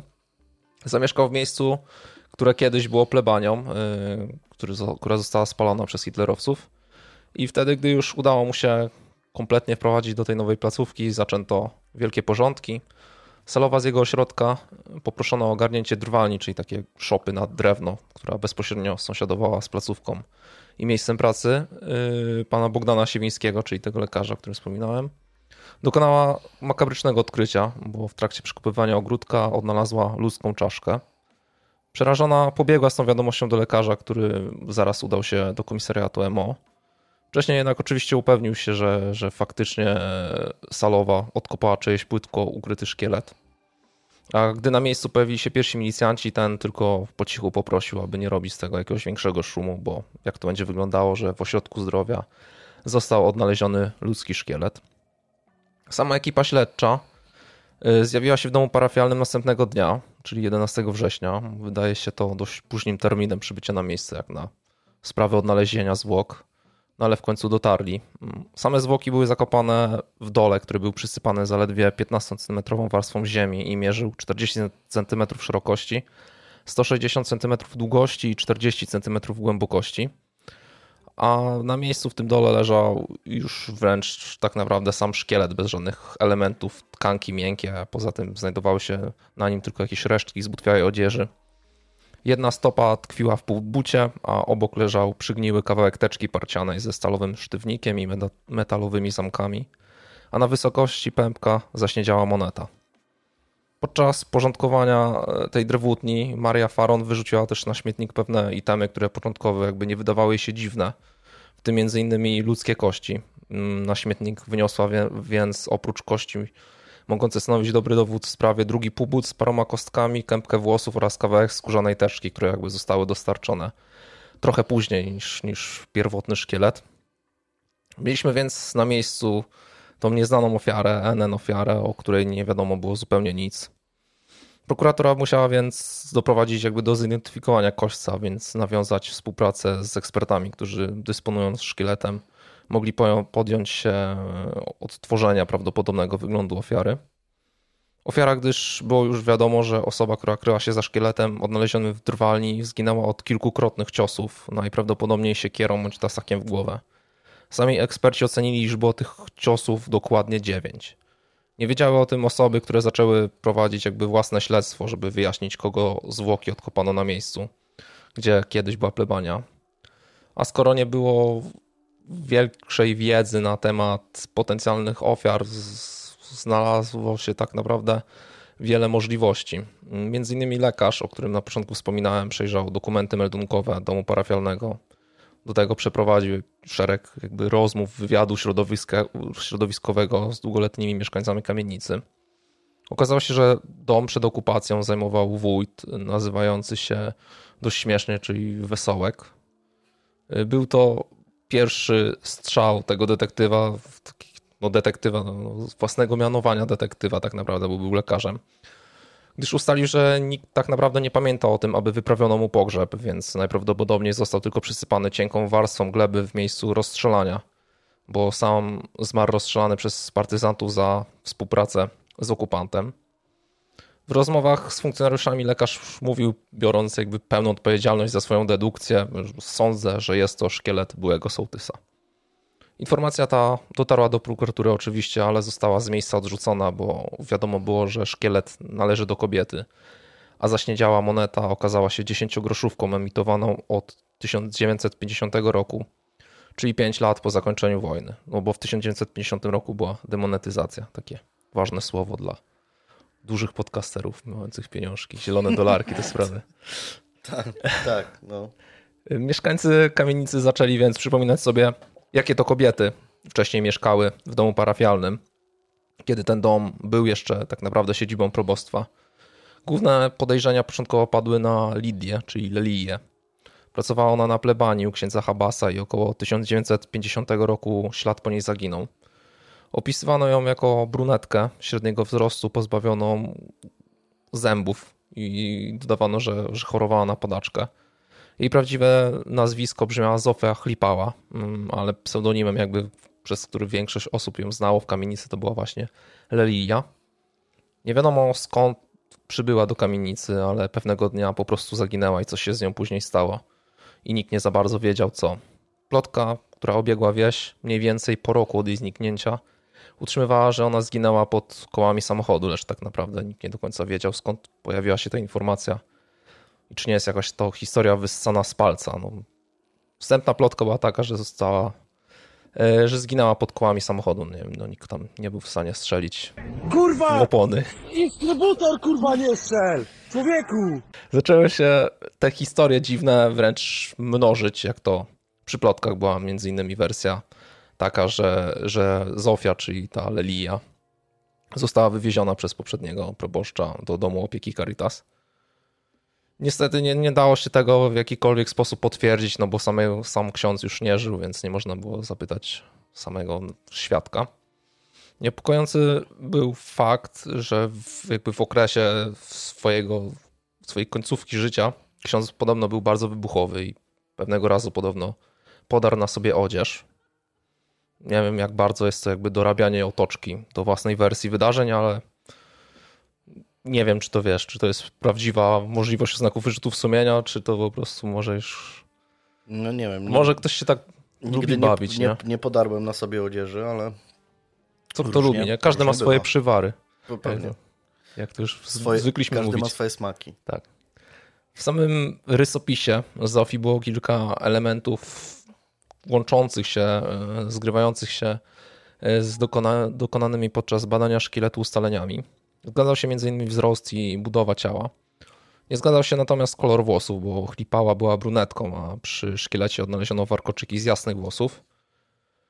Po miesiącu prokurator otrzymał dokładny już protokół sekcji Zakładu Medycyny Sądowej, a eksperci ustalili, iż szkielet należał do kobiety mierzącej około 160 cm wzrostu i była w wieku około 50 lat, a sam zgon mógł nastąpić najwcześniej w 1950 roku, a najpóźniej w 1953 roku, czyli przestrzał tych trzech lat, od 50 do 53. Włączenie się już prawie wszystkich mieszkańców do odtwarzania wydarzeń rozgrywających się na plebanii nie posunęło w żadnym stopniu poszukiwań nawet o krok. Nie podpowiedziano ani jednego nazwiska, której kobiety, która gdzieś, gdzieś zniknęła z tych rejonów i której rysopis odpowiadałby ustaleniom dokonanym w czasie badania szkieletu. W tej sytuacji no, prokurator musiał podjąć decyzję o umorzeniu śledztwa i tak naprawdę odłożył tą, tą sprawę na półkę e, z napisem, no, że zabójstwa NN osoby dokonał NN sprawca. Została sprawa umorzona i, i przeleżała na półce przez jakiś czas. Jednak ta decyzja nie powstrzymała lekarza Siewińskiego od dalszych poszukiwań na temat tego, kto został ofiarą zbrodni, a później kto dokonał samej zbrodni. Dokonał wręcz pełnej analizy osób, które zamieszkiwały wcześniej budynek, po którym odnaleziono, przy którym odnaleziono zwłoki. Ustalił cały spis lokatorów opatrzony datami wyprowadzenia się starych proboszczów, wprowadzenia nowych, wszystkich nazwisk, które się tam gdzieś przewijały, gospodyń, wikarych. W ten sposób doszedł do nazwiska proboszcza Jana Lecha, który zajmował mieszkanie na parterze, czyli mieszkanie, które jakby łączyło się z drewutnią. I był tam mieszkańcem od 1950 do połowy 1952 roku. Sam ksiądz Lech przyjechał do kamienicy z mojej wioski, w której również był, był proboszczem. Był synem Wojciecha i Katarzyny z domu Gierczyńskiej, urodzonym 8 stycznia 1904 roku w Brzezówce. Wstąpił do seminarium duchownego w Tarnowie, a święcenia kapłańskie otrzymał z rąk biskupa w dniu 29 czerwca 1929 roku. W wieku 29 lat został mianowany proboszczem w Krasnem Lacociscach, gdzie przebywał przez 15 lat od 1933 do 1949 roku i stąd przeniósł się do kamienicy. Zajmował się nie tylko duszpasterstwem, a także działalnością polityczną. Podobno po obu stronach barykady, po jednej szczerze z oddaniem jako członek reakcyjnej organizacji Odwet Górski. Po drugiej, podobno dla zmydlenia oczu, miał jakąś działalność związaną z, z władzami śledczymi. Po tej drugiej to zawsze wszyscy dla zmydlenia oczu tak, byli, nie? No, no, wiadomo, wiadomo. ten, no, działanie przykrywka, pod, pod przykrywka, przykrywka. No wiadomo, no wiadomo. No, dlatego mówię o jednej i o drugiej, bo nie wiadomo do końca jak to było, więc... Nie, no jasne. Więc tak naprawdę nie wiadomo, która była tym, tym, tą szczerą i z oddaniem. W połowie 1952 roku władze bezpieczeństwa rozbiły organizację Odwet Górski i aresztowały wszystkich jej członków. Właśnie wśród nich księdza Lecha. Każdego z nich osądzono i skazano na długoletnie kary więzienia. Oskarżony ksiądz został o przynależność do organizacji mającej na celu zmianę na, drodze, na drodze w formie przemocy ustroju państwa polskiego i osadzony w więzieniu na Monte Lupich w Krakowie. Proboszcz Szlech został skazany na 10 lat pozbawienia wolności, pozbawienie praw publicznych i obywatelskich na 3 lata oraz całkowity przepadek mienia. Udowodniono mu poza tym aktywny udział w opracowywaniu planów napadów. W trakcie zeznań e, dotyczących sprawy miała niby wyjść na jaw informacja o napadzie, który Lech organizował na swój własny kościół, e, w którym chciał jakby upiec dwie pieczenie na jednym ogniu, czyli, czyli zdobyć trochę pieniędzy z samego kościoła, a poza tym zrzucić, zrzucić winę y, na ubecję ataku na kościół, będąc jakby okazując, że to jest kolejny element inwigilacji władzy w katolicyzm. W protokole rozprawy wymieniono okres, w którym właśnie tam proboszcz miał, miał nakłaniać kierownictwo do napadu na plebanie i miał być, miała by to być połowa stycznia 52 roku, czyli pół roku przed likwidacją organizacji Odwet Górski. Przeglądając historię proboszcza, szczególnie zapatrując się na gospodynię, ustalono, iż ostatnia żyła i miała się bardzo dobrze, a przedostatnia, a zarazem pierwsza w kamienicy odeszła z plebanii, po kilku miesiącach pracy, sama wspominając, że nie dało się tam pracować i nie ma co diabła kusić, cokolwiek by to nie miało znaczyć. Jeden z oficerów zajmujących się postępowaniem udał się na miejsce, w którym ksiądz Lech pełnił funkcję proboszcza przed pojawieniem się w kamienicy. Tam dokonał wielu rozpytań wśród mieszkańców, parafian, znajomych. W ten sposób ustalił, że ksiądz Jan Lech objął probostwo w 1939 roku, o czym wspominałem, i przez 10 lat był tam duszpasterzem. W roku 1943 na plebanii zamieszkała kudłata Helka, która z czasem przeistoczyła się z gosposi w prawdziwą szefową. Początkowo parafii, a z czasem i całej wsi.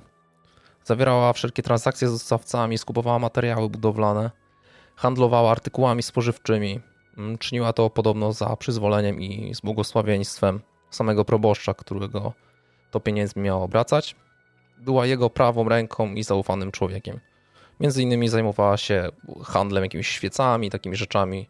Często gdzieś tam kierowała się do Krakowa i, i tam prowadziła swoje, swoje, y, swój handel, swoje trady.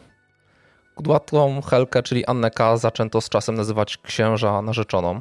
Określenie to nie było wyssane z palca. Niektórzy widzieli, jak rano wychodziła z pokoju proboszcza, a inni domyślali się, iż Helka mogła sobie pozwolić na rządzenie plebanią do, te, dopiero wtedy, gdy zdobyła serce proboszcza.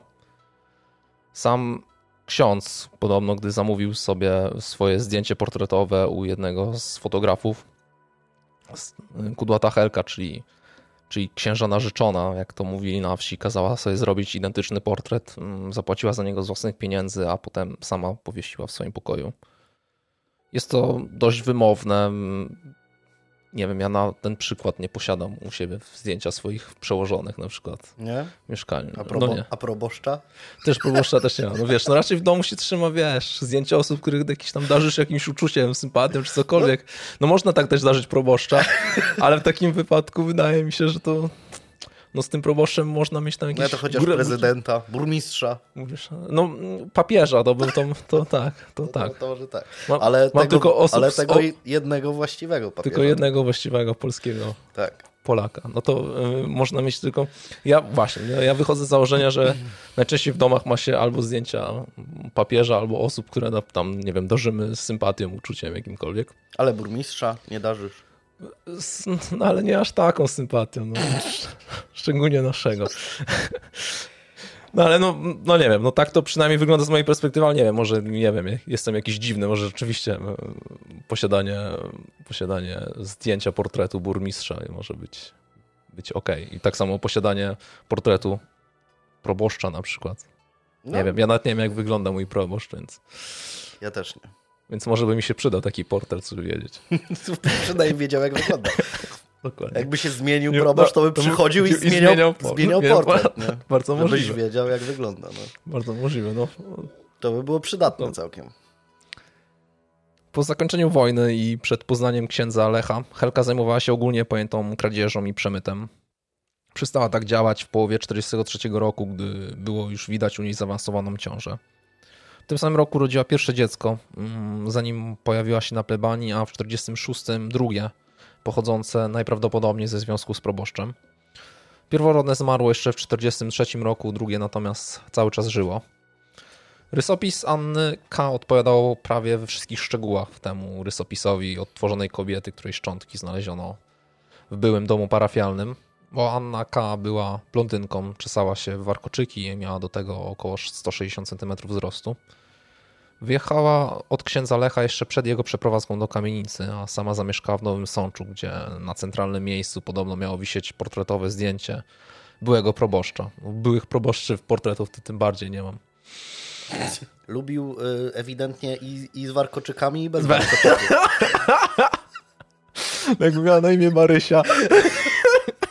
Z warkoczykami albo bez warkoczyków. Po co mam wybierać? Najlepiej zabrać obie. Ojej, to, to mocne, to, to mi się podobało. Ona tam w tym nowym sączu urządziła sobie nowe życie na wzór tego poprzedniego.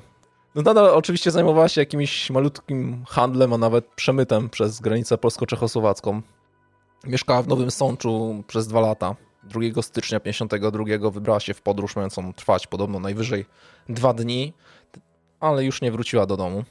Poprosiła sąsiadkę o tą dwudniową opiekę nad synem Jankiem. Powiedziała, że no, za dwa dni wróci, dlatego sąsiadka zgodziła się e, zająć, zająć malcem. Zapewniła, że najpóźniej 4 stycznia właśnie wróci do domu. Gdy ta jednak nie wróciła, sąsiadka udała się bezpośrednio na komisariat podpytać, czy, czy nie wiadomo coś o sąsiadce. Gdy nie udało się ustalić nic, pozostawiła dziecko na posterunku, gdyż nie była w stanie dalej opiekować się dzieckiem. Na samym komisariacie nie, nie bardzo były jakiekolwiek informacje o tym, że, że sąsiadka właśnie Anny K. pojawiła się na komisariacie i wypytywała o, o zaginioną. Podobno w książce wydarzeń, jakby jakiejś książce służby y, dyżurnego nie pojawiła się jakby najmniejsza wzmianka z informacją o poszukiwaniu Anny K. Jednak sami milicjanci przypominali sobie, że rzeczywiście tak, taka sytuacja miała miejsce i a kilku z nich nawet pamiętało małego Janka, który przebywał na posterunku zanim wzięła go jakaś rodzina. Chłopczyk na komisariacie opowiadał, że z rodziny ma jeszcze tylko wujka księdza. Nie udało się jednak dokładnie ustalić tak naprawdę jaki to ksiądz oraz dotrzeć do kogokolwiek z rodziny, więc malec został przekazany do nowej rodziny zastępczej ale zdobyte materiały, które jakoś tam były w stanie nakierować e, prokuratora na to, kto jest ofiarą, pozwoliły na wznowienie umorzonego śledztwa. Najwięcej mówiono o dziecku, e, które Anna K. urodziła 2 listopada 1946 roku.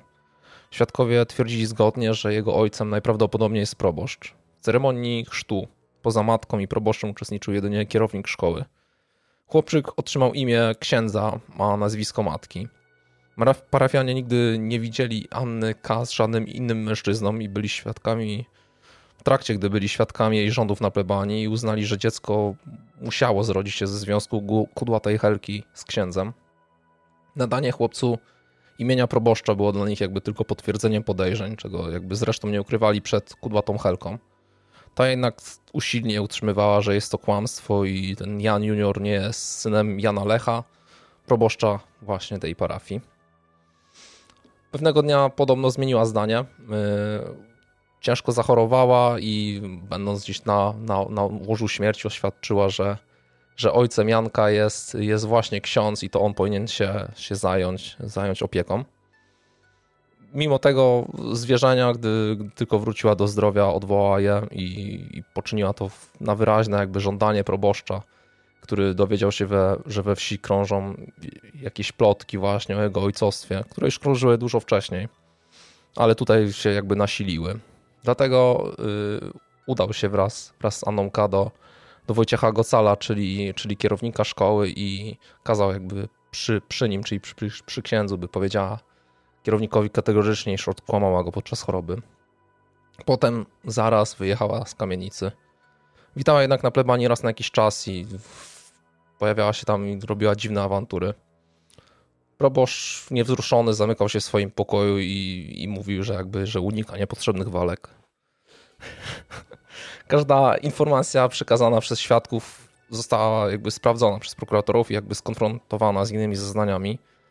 Nawet podobno jakieś wykrzykiwanie Anny K. o sądzie podczas łapania przez nią jakiś kur, co było dość, też dość dziwne, potraktowano dość poważnie szczególnie ten temat sądu, bo, bo został, prokuratorzy skierowali się, się do sądu o, o znalezienie i wyszukanie spraw, w których przewijała się, się jako pokrzywdzona albo podejrzana Anna K.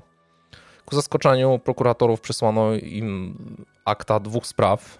W pierwszych znajdował się wniosek o przyznanie prawa ubogich Annie K., która jak wypisał w uzasadnieniu adwokat, nosi się z zamiarem wniesienia pozwu alimenty dla swojego syna Jana a w drugich było tylko jedno pismo procesowe, czyli sam pozew o alimenty dla Jana K.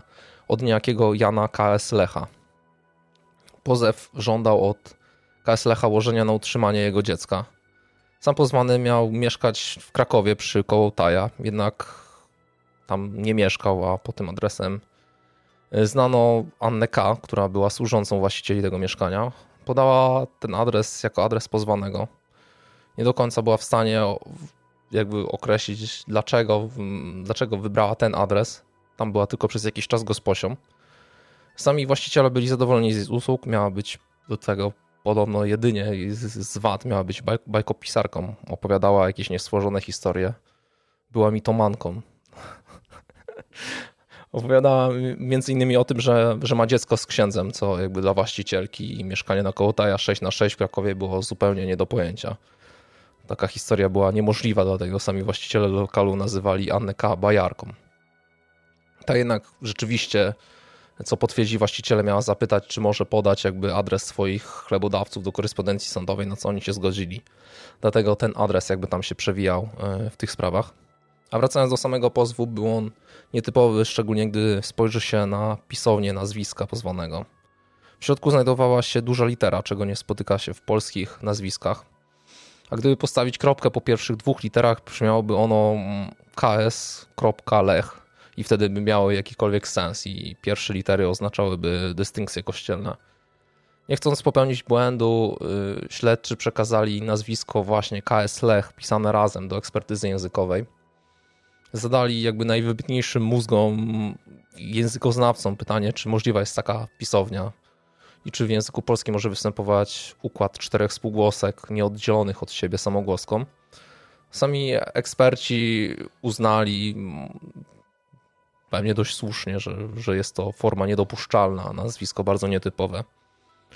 Prawnik, który konstruował ten dziwny pozew przeciwko KS Lechowi, tłumaczył, że klientka nie zamierzała prowadzić sprawy do końca, spodziewała się, że wystarczy jakby sam pozew.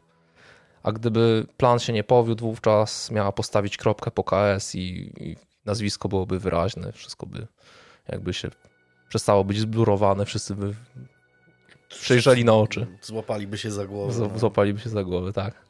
E, sąsiadka Anny K., czyli Adela Gerhardt, e, ta kobieta, która, która, która z, z, dzieckiem po dwóch dniach znalazła się na komisariacie, żeby poszukiwać właśnie Anny K. E, przeszukiwała w jej pokoju szuflady, chcąc w jakikolwiek sposób znaleźć adres jakichś przyjaciół Anny. Znalazła tam trzy adresy, czyli właśnie Krzyczkowskich przy Kołtaja 6 na 6 do tego księdza Lecha w kamienicy i kierownika szkoły Wojciecha Gocala, który był ojcem chrzestnym jej dziecka. Krzeczkowscy w żaden sposób nie odpowiedzieli na list. Sam ksiądz Lech przyjechał natychmiast, gdy, gdy odebrał wiadomość. Wstępnie, wstępnie wspominał, że, że weźmie Janka do siebie, ale gdy już pojawił się na miejscu, zabrał tylko swój portret wiszący nad łóżkiem i, i pojechał do domu. Sam portret w pokoju Annyka widziało kilku świadków. Prokuratorzy, prokuratorzy odszukali y, wkrótce Janaka, który teraz nosił nazwisko swoich przybranych rodziców. Chłopiec dość chętnie opowiadał przysłuchującym o swojej mamusi, o wizytach u, u taty, na którego kazano mu mówić wujek. Tatuś Janka, zgodnie z jego zeznaniami, chodził w sukience, częstował go cukierkami i głaskał po główce.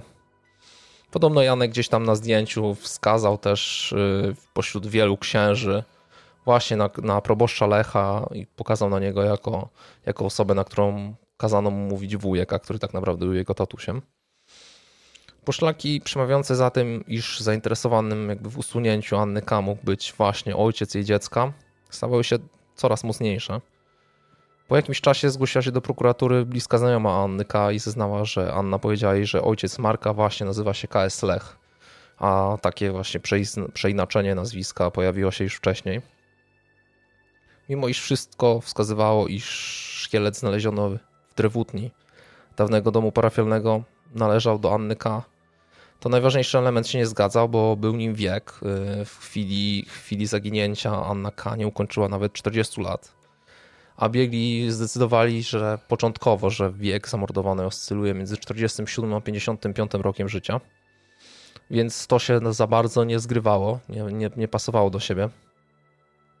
Prokuratorzy zapytali się y, ekspertów Zakładu Medycyny Sądowej, czy jakby ta metoda, którą stosowali jest pewna i jakby nie uwzględnia tolerancji y, jakby w górę i w dół. Y, uznano, że, że rzeczywiście tolerancja jaka taka jest i najprawdopodobniej patrząc przez szwy odkopanej czaszki, które nie były całkowicie zrośnięte, można przyjąć, że ofiara nie osiągnęła w chwili śmierci 40 lat co jest dość dużą różnicą w porównaniu jakby do pierwszej opinii. Prokuratorzy zlecili dodatkowe badania, na których jakby zdjęcia z dowodu osobistego twarzy Annyka oraz tej czaszki wykopanej z, z, z drewutni pokrywały się omal identycznie, ide, idealnie pasowały jak do siebie. Było to badanie metodą superprojekcji. Mm, eksperci orzekli więc, że przeprowadzone przez nich badania nie wykluczają identyczności Anny K. z dowodową czaszką. Ale tu bardziej polegało to na tym, że chcieli już być bardziej spokojni i nie chcieli jakby bezpośrednio wskazywać, że tak, to jest, to jest ona, bo już jakby raz się przejechali na tym wieku, więc nie chcieli to jakby wyraźnie wskazywać, że to jest na pewno, na pewno to porównanie. W ogóle w, w takich starych sprawach, jakiś nawet e, no sprzed tam powiedzmy 100 lat czy coś takiego, to spotkałem się już e, kilka razy z tą metodą superprojekcji. Jestem ciekawy, czy to faktycznie ma jakiekolwiek naukowe podłoże, nie? Że wiesz, no nałożysz czaszkę na czyjeś zdjęcie, które może być, wiesz, zrobione jakby pod innym kątem gdzieś tam. No rozumiem, że to też jakoś mierzą. Znaczy tak wiesz, dalej. to też zależy od, od foty, nie? Bo teraz jakbyś zrobił zdjęcia, czy byś nie, no, przyłożył w, zdjęcie jakiejś wiesz, nastolatki, jak... która robi sobie zdjęcie połowy twarzy. No nie, nie, nie, chodzi mi, no tutaj w tym wypadku masz zdjęcie gdzieś tam z dowodu, z dowodu no. osobistego, no... czy coś, no, które jest, jest, w konkretnych wymiarach, w konkretnym jakimś tam... Pozycji. E, w, według konkretnych wytycznych, nie? Ale jestem ciekawy, czy faktycznie ma to jakieś e, przełożenie. Pe pewnie jesteś w stanie część rzeczy wykluczyć. No jeśli ktoś ma wyjątkowo, nie wiem, pociągłą twarz czy coś takiego, no to jesteś w stanie wykluczyć pewne rzeczy, ale czy to ma takie, wiesz, zastosowanie no, ale wiesz, ciekawy jestem. Wiesz, ciekawy jeżeli, jestem. jeżeli z czasem okazało się, że ta metoda superprojekcji już nie, przestała być wykorzystywana, no to jakoś tam perfekcyjna no nie była, nie? No, no, no. no, no nie, no, no jeżeli coś, coś... To znaczy, no na pewno, na pewno teraz są lepsze metody, no. nie? Ale ale no, jeśli, jeśli mamy tutaj jakiegoś e, patologa, który, który się zajmuje historią e, tak, patologii. Albo, albo ma 90 lat. Historią sekcji, se, sekcji zwłok, e, mm, to, to, to niech się wypowie. Albo był patologiem 80 lat temu, to, no. no to pewnie. To Czemu dawaj nie? znać. No, tak. Dokonano też konfrontacji jakby cech samego małego Jana i, i, i większego Jana Lecha, czyli proboszcza. No, po, po, po, jakich, po kilku tam badaniach udano, udało się ustalić, że, że jakby wiele cech antropometrycznych porównywalnych było i znajdowało się i jakby u, u młodego Janka i, i u starszego Jana. Po tych badaniach prokuratorzy już wydali bezpośrednio postanowienie o tymczasowym aresztowaniu księdza Jana Lecha i przedstawili mu zarzut zamordowania Anny K. Sam podejrzany nie przyznawał się do zarzuconego mu czynu. Jeżeli chodzi o, o, dalszy tok jakby zbierania dowodów, no to wiele osób rozpoznało spośród itemów znalezionych w śmietniku niedaleko drowutni, gdzie, gdzie, gdzie one zostały jakby przeniesione e, z tego dołu przy, e, przy, przy drwalni, jak, jak i znajdujących się przy samym, przy samym szkielecie. Udało się właśnie kilku świadkom rozpoznać te rzeczy, które właśnie Anna K. posiadała przed śmiercią. Wymienili dosyć niezmiernie ważną cechę indywidualizującą, na przykład teczkę, która się znajdowała e, w grobie która posiadała taki specjalny rodzaj sztywnika, bo jeden z synów y, Adeli, Gerhard, czyli kobiety, u której swoje dziecko zostawiła właśnie Anna, zrobił go sam z piłki do cięcia metalu.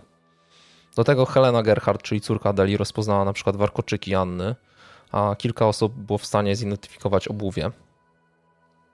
Kiedy przedstawiono te dowody podejrzanemu, który cały czas jakby przebywał w areszcie tymczasowym, wyjaśnił spokojnie, że, że Anna K. przyjechała do parafii w 1943 roku, żeby starać się o zapomogę Caritasu. Przyjechała tam z niemowlem na ręku, otrzymała zapomogę, także mieszkanie, w zamian za co miała właśnie załatwiać drobne zakupy dla plebanii, czyli świece, wino, mydło czy inne artykuły. Dziecko z czasem zmarło, a Anna K. pozostała na plebanii. W 1946 podjęła się sprowadzenia na budowę kościoła wagonu cementu. Wyjechała na 4 dni, a po powrocie oświadczyła, że zaszła w ciążę z nieznanym jej osobnikiem. Twierdziła, że to, to wina księdza, gdyż gdyby nie pojechała po cement, to zdołałaby uniknąć tego nieszczęścia. Samo dziecko urodziło się w listopadzie i od tego czasu e, sama kobieta działała podobno na szkodę plebanii. Ostatni raz ksiądz miał ją widzieć w 1949 roku. Prokuratorzy zdołali ustalić, że Anna K. proboszcza odwiedzała w następnych latach w kamienicy, a wielu świadków to widziało, szczególnie przez uwagi na to, że Anna K. lubiła się tam awanturować, robić szum wokół siebie, a poza tym miała łatkę złodziejki kur. Poza tym było wątpliwe, żeby tuż po powrocie jakby z czterodniowej podróży Anna wiedziała, że zaszła w ciążę z nieznajomym mężczyzną. Na początku stycznia pojawił się też bardzo cenny świadek. Yy, powiedział o tym, że, że proboszcz pisał i posiadał tajemniczy pamiętnik. Podobno sam pamiętnik miał już teraz nie istnieć, bo został spalony przez proboszcza yy, zaraz po wykopaniu zwłok w domu parafialnym, jednak zanim został spalony, poprzednio przechowywali go dwaj wikariusze, którzy mogli mieć jakąkolwiek wiedzę, co tam było zapisane. Tym pamiętniku, y, o którym wiele pamiętali właśnie ci wspomniani wikariusze, którzy zostali wezwani na przesłuchanie do prokuratury, wiele miejsca ksiądz Lech poświęcił y, Annie K. Przedstawiał ją jako matkę nieślubnego dziecka, którego ojcem był tajemniczy i bogaty pan. I co pewien czas ten bogacz podobno miał przychodzić do kościoła i starając się, by nikt tego nie zauważył, zostawiał na ołtarzu pieniądze na utrzymanie dziecka, a pieniądze terankiem zabierał ksiądz Lech i następnie wręczał Annie K. Kobieta nie była w stanie docenić życzliwości proboszcza, była ordynarna, źle się do niego odnosiła i bez skrupułów okradała go.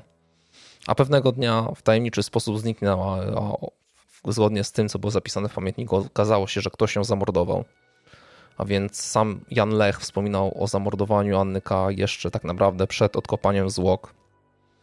W jednym z listów wpisanych z więzienia napisał też zaginięcie Anny K. i odkopanie jej zwłok i na tym liście przekreślił wyraz jej i, i, i zastąpił go jakieś kobiety. Nie wiadomo, czy to było jakby przypadkowe przejęzyczenie, no, czy, czy można z tego wyciągać jakiekolwiek wnioski. Prokuratorzy w końcu napisali akt oskarżenia i przesłali go do sądu. Y, sąd pierwszej instancji, oceniawszy zebrany materiał, przyjął, iż oskarżony Jan Lech jest zabójcą właśnie Anny K., której zwłoki odkopano w domu parafialnym. Jednak skazany odwołał się od tego wyroku. Mm, obrońca twierdził, że w żadnym wypadku nie można mieć pewności, że odnaleziony kościec należy właśnie do Anny K. Jego zdaniem ta metoda, o której wspominaliśmy, metoda superprojekcji daje stuprocentowej pewności, a poza tym miał łatwe zbicie dowodów poprzez to, że biegli początkowo pomylili się w ocenie wieku zamordowanej o, o prawie 10 lat. Sąd Najwyższy podzielił te wątpliwości. Zarzucił wyrokowi, iż nie wypowiedział się też w sprawie braku oryginalnego protokołu eskumacji, bo ten podobno zawieruszył się po pierwszym umorzeniu i dlatego musiano go tylko odtworzyć z pamięci. Do tego zwątpił jakby w bezbłędność superprojekcji, a po ilości urazów przyjął, że zabójstwa nie mogła dokonać jedna osoba. No, proboszcz Jan Lech, więc, więc po, tym, po tym wyroku opuścił więzienie. Zbrodnia nie została ostatecznie wyjaśniona i w 72 uległa przedawnieniu. Sam proboszcz Jan Lech zmienił parafię. Nie wiadomo do końca, czy to on popełni zbrodnię, nie ma wyroku, więc nie ma co, co mówić. No, na ten moment no, jest niewinny. W historii parafii na stronie internetowej można wyczytać, że i cytuję, ksiądz proboszcz nie stosował się do poleceń ubeckich opowiadał na obomonie, jak go traktowano w więzieniu, za co komuniści zemścili się na nim, bo go posądzili o morderstwo i siedział półtora roku. A w trakcie procesu zachudzono kościół i księży, jak w czasie procesu księdza Jerzego Popiełuszki. Niektórzy parafianie niestety stronniczo zeznawali przeciwko księdzu proboszczowi na cmentarzu, gdzie pochowano szczątki, y, które zostały znalezione właśnie w Drewutni, o, z tej historii, o której, o której opowiadam. Mimo wyroku sądu znajduje się tabliczka informująca, że spoczywa tam właśnie w spokoju wiecznym Annaka. Hmm. W ogóle nigdy nie słyszałem o tej, o tej sprawie. Wow. A są jakieś zdjęcia do sprawy, czy to jest... Nie kolejna sprawa gdzieś tam z takich odmentów. To jest, wszystkie moje sprawy często no, są z odmentów. No właśnie, właśnie zauważyłem to. Ale wiesz, ale wiesz, ja nawet znaczy, specjalnie... Równie dobrze mógłbyś je zmyślać, tak, nie? Ale ja... No, słuchaj, nie ma zdjęć, nie... nie nic nie ma w ogóle, gościu. I sam bym tworzył artykuły w Wikipedii. No. Nie, no, poza tym, wiesz, po, poza, tym, poza, poza, tym specjalnie szukam takich historii, bo wiem, że ty robisz później piękne miniaturki, więc tak, wiem, że one, no, one są lepsze niż te zdjęcia. Więc Os, ostatnia, ostatni, ostatnia Punisher był super. Przypadła, przypadła wszystkim do gustu, więc no będę, będę musiał, wiesz, to w, w końcu trzeba przeskoczyć tego rekina, nie? Że wiesz, ro, robisz, robisz takie miniaturki i musisz za każdym razem robić no. lepszą, nie? Bo... No dlatego ja na przykład nie pamiętasz no, jak my to nazwaliśmy w tytule, ten odcinek Morderstwo na Świętego Stasia to było? Co zrobiłem mapkę poglądową? Tak, tak, tak. Ja już, no. już do tej nie wracam, bo już lepsze nie narysuję no, nigdy. No właśnie. Właśnie, a wielu się domaga, nie? I jest rozczarowana czasami moimi mapkami, które robię w Google Mapsie gdzieś tam wycinam, nie? Że w ogóle pff, że nada. No, nic się nie dziwię wcale, ja tam się napracowałem bardzo mocno. No tak. Tam jeszcze no. tak kliparty takie powinny wejść. To już w ogóle były lata 90. Nie? No, coś, coś pięknego. Kurde, nie ma, nie ma zdjęć. Za to, za to w mojej sprawie będzie, będzie sporo, sporo, sporo zdjęć, sporo skanów tych listów, różnych rzeczy. Jeśli ktoś się interesuje sprawą, to wszystko, o czym, o czym mówię, będzie, e, będzie miał. Jeśli chodzi o źródło, to z, mm, z... Tak, będą, no, ponad. A jest, jest, jest kil, kilka? Jest kilka, no. Wow, no to, to dobrze. To, to, to dobrze. E, co? Mm, piszcie do nas, komentujcie, dawajcie łapki w górę, lajkujcie na Facebooku, Instagramie, Twitterze, bo tam jesteśmy. I nie wiem, przy niedzielnym obiedzie opowiadajcie wszystkim, że no nie gadaj, to jest fajny podcast. Bo jest was coraz więcej i to zawsze mobilizuje do, do, do, do, do, do sięgania po po kolejne sprawy i, i, i siedzenia nad jakimiś tam książkami, źródłami, żeby, żeby dla Was je jak najlepiej, jak najlepiej przygotować. Jesteście super. Dziękujemy Wam za zaangażowanie i za, za to, że jesteście. Super, że jesteś. Tak, bez Ciebie nie idę.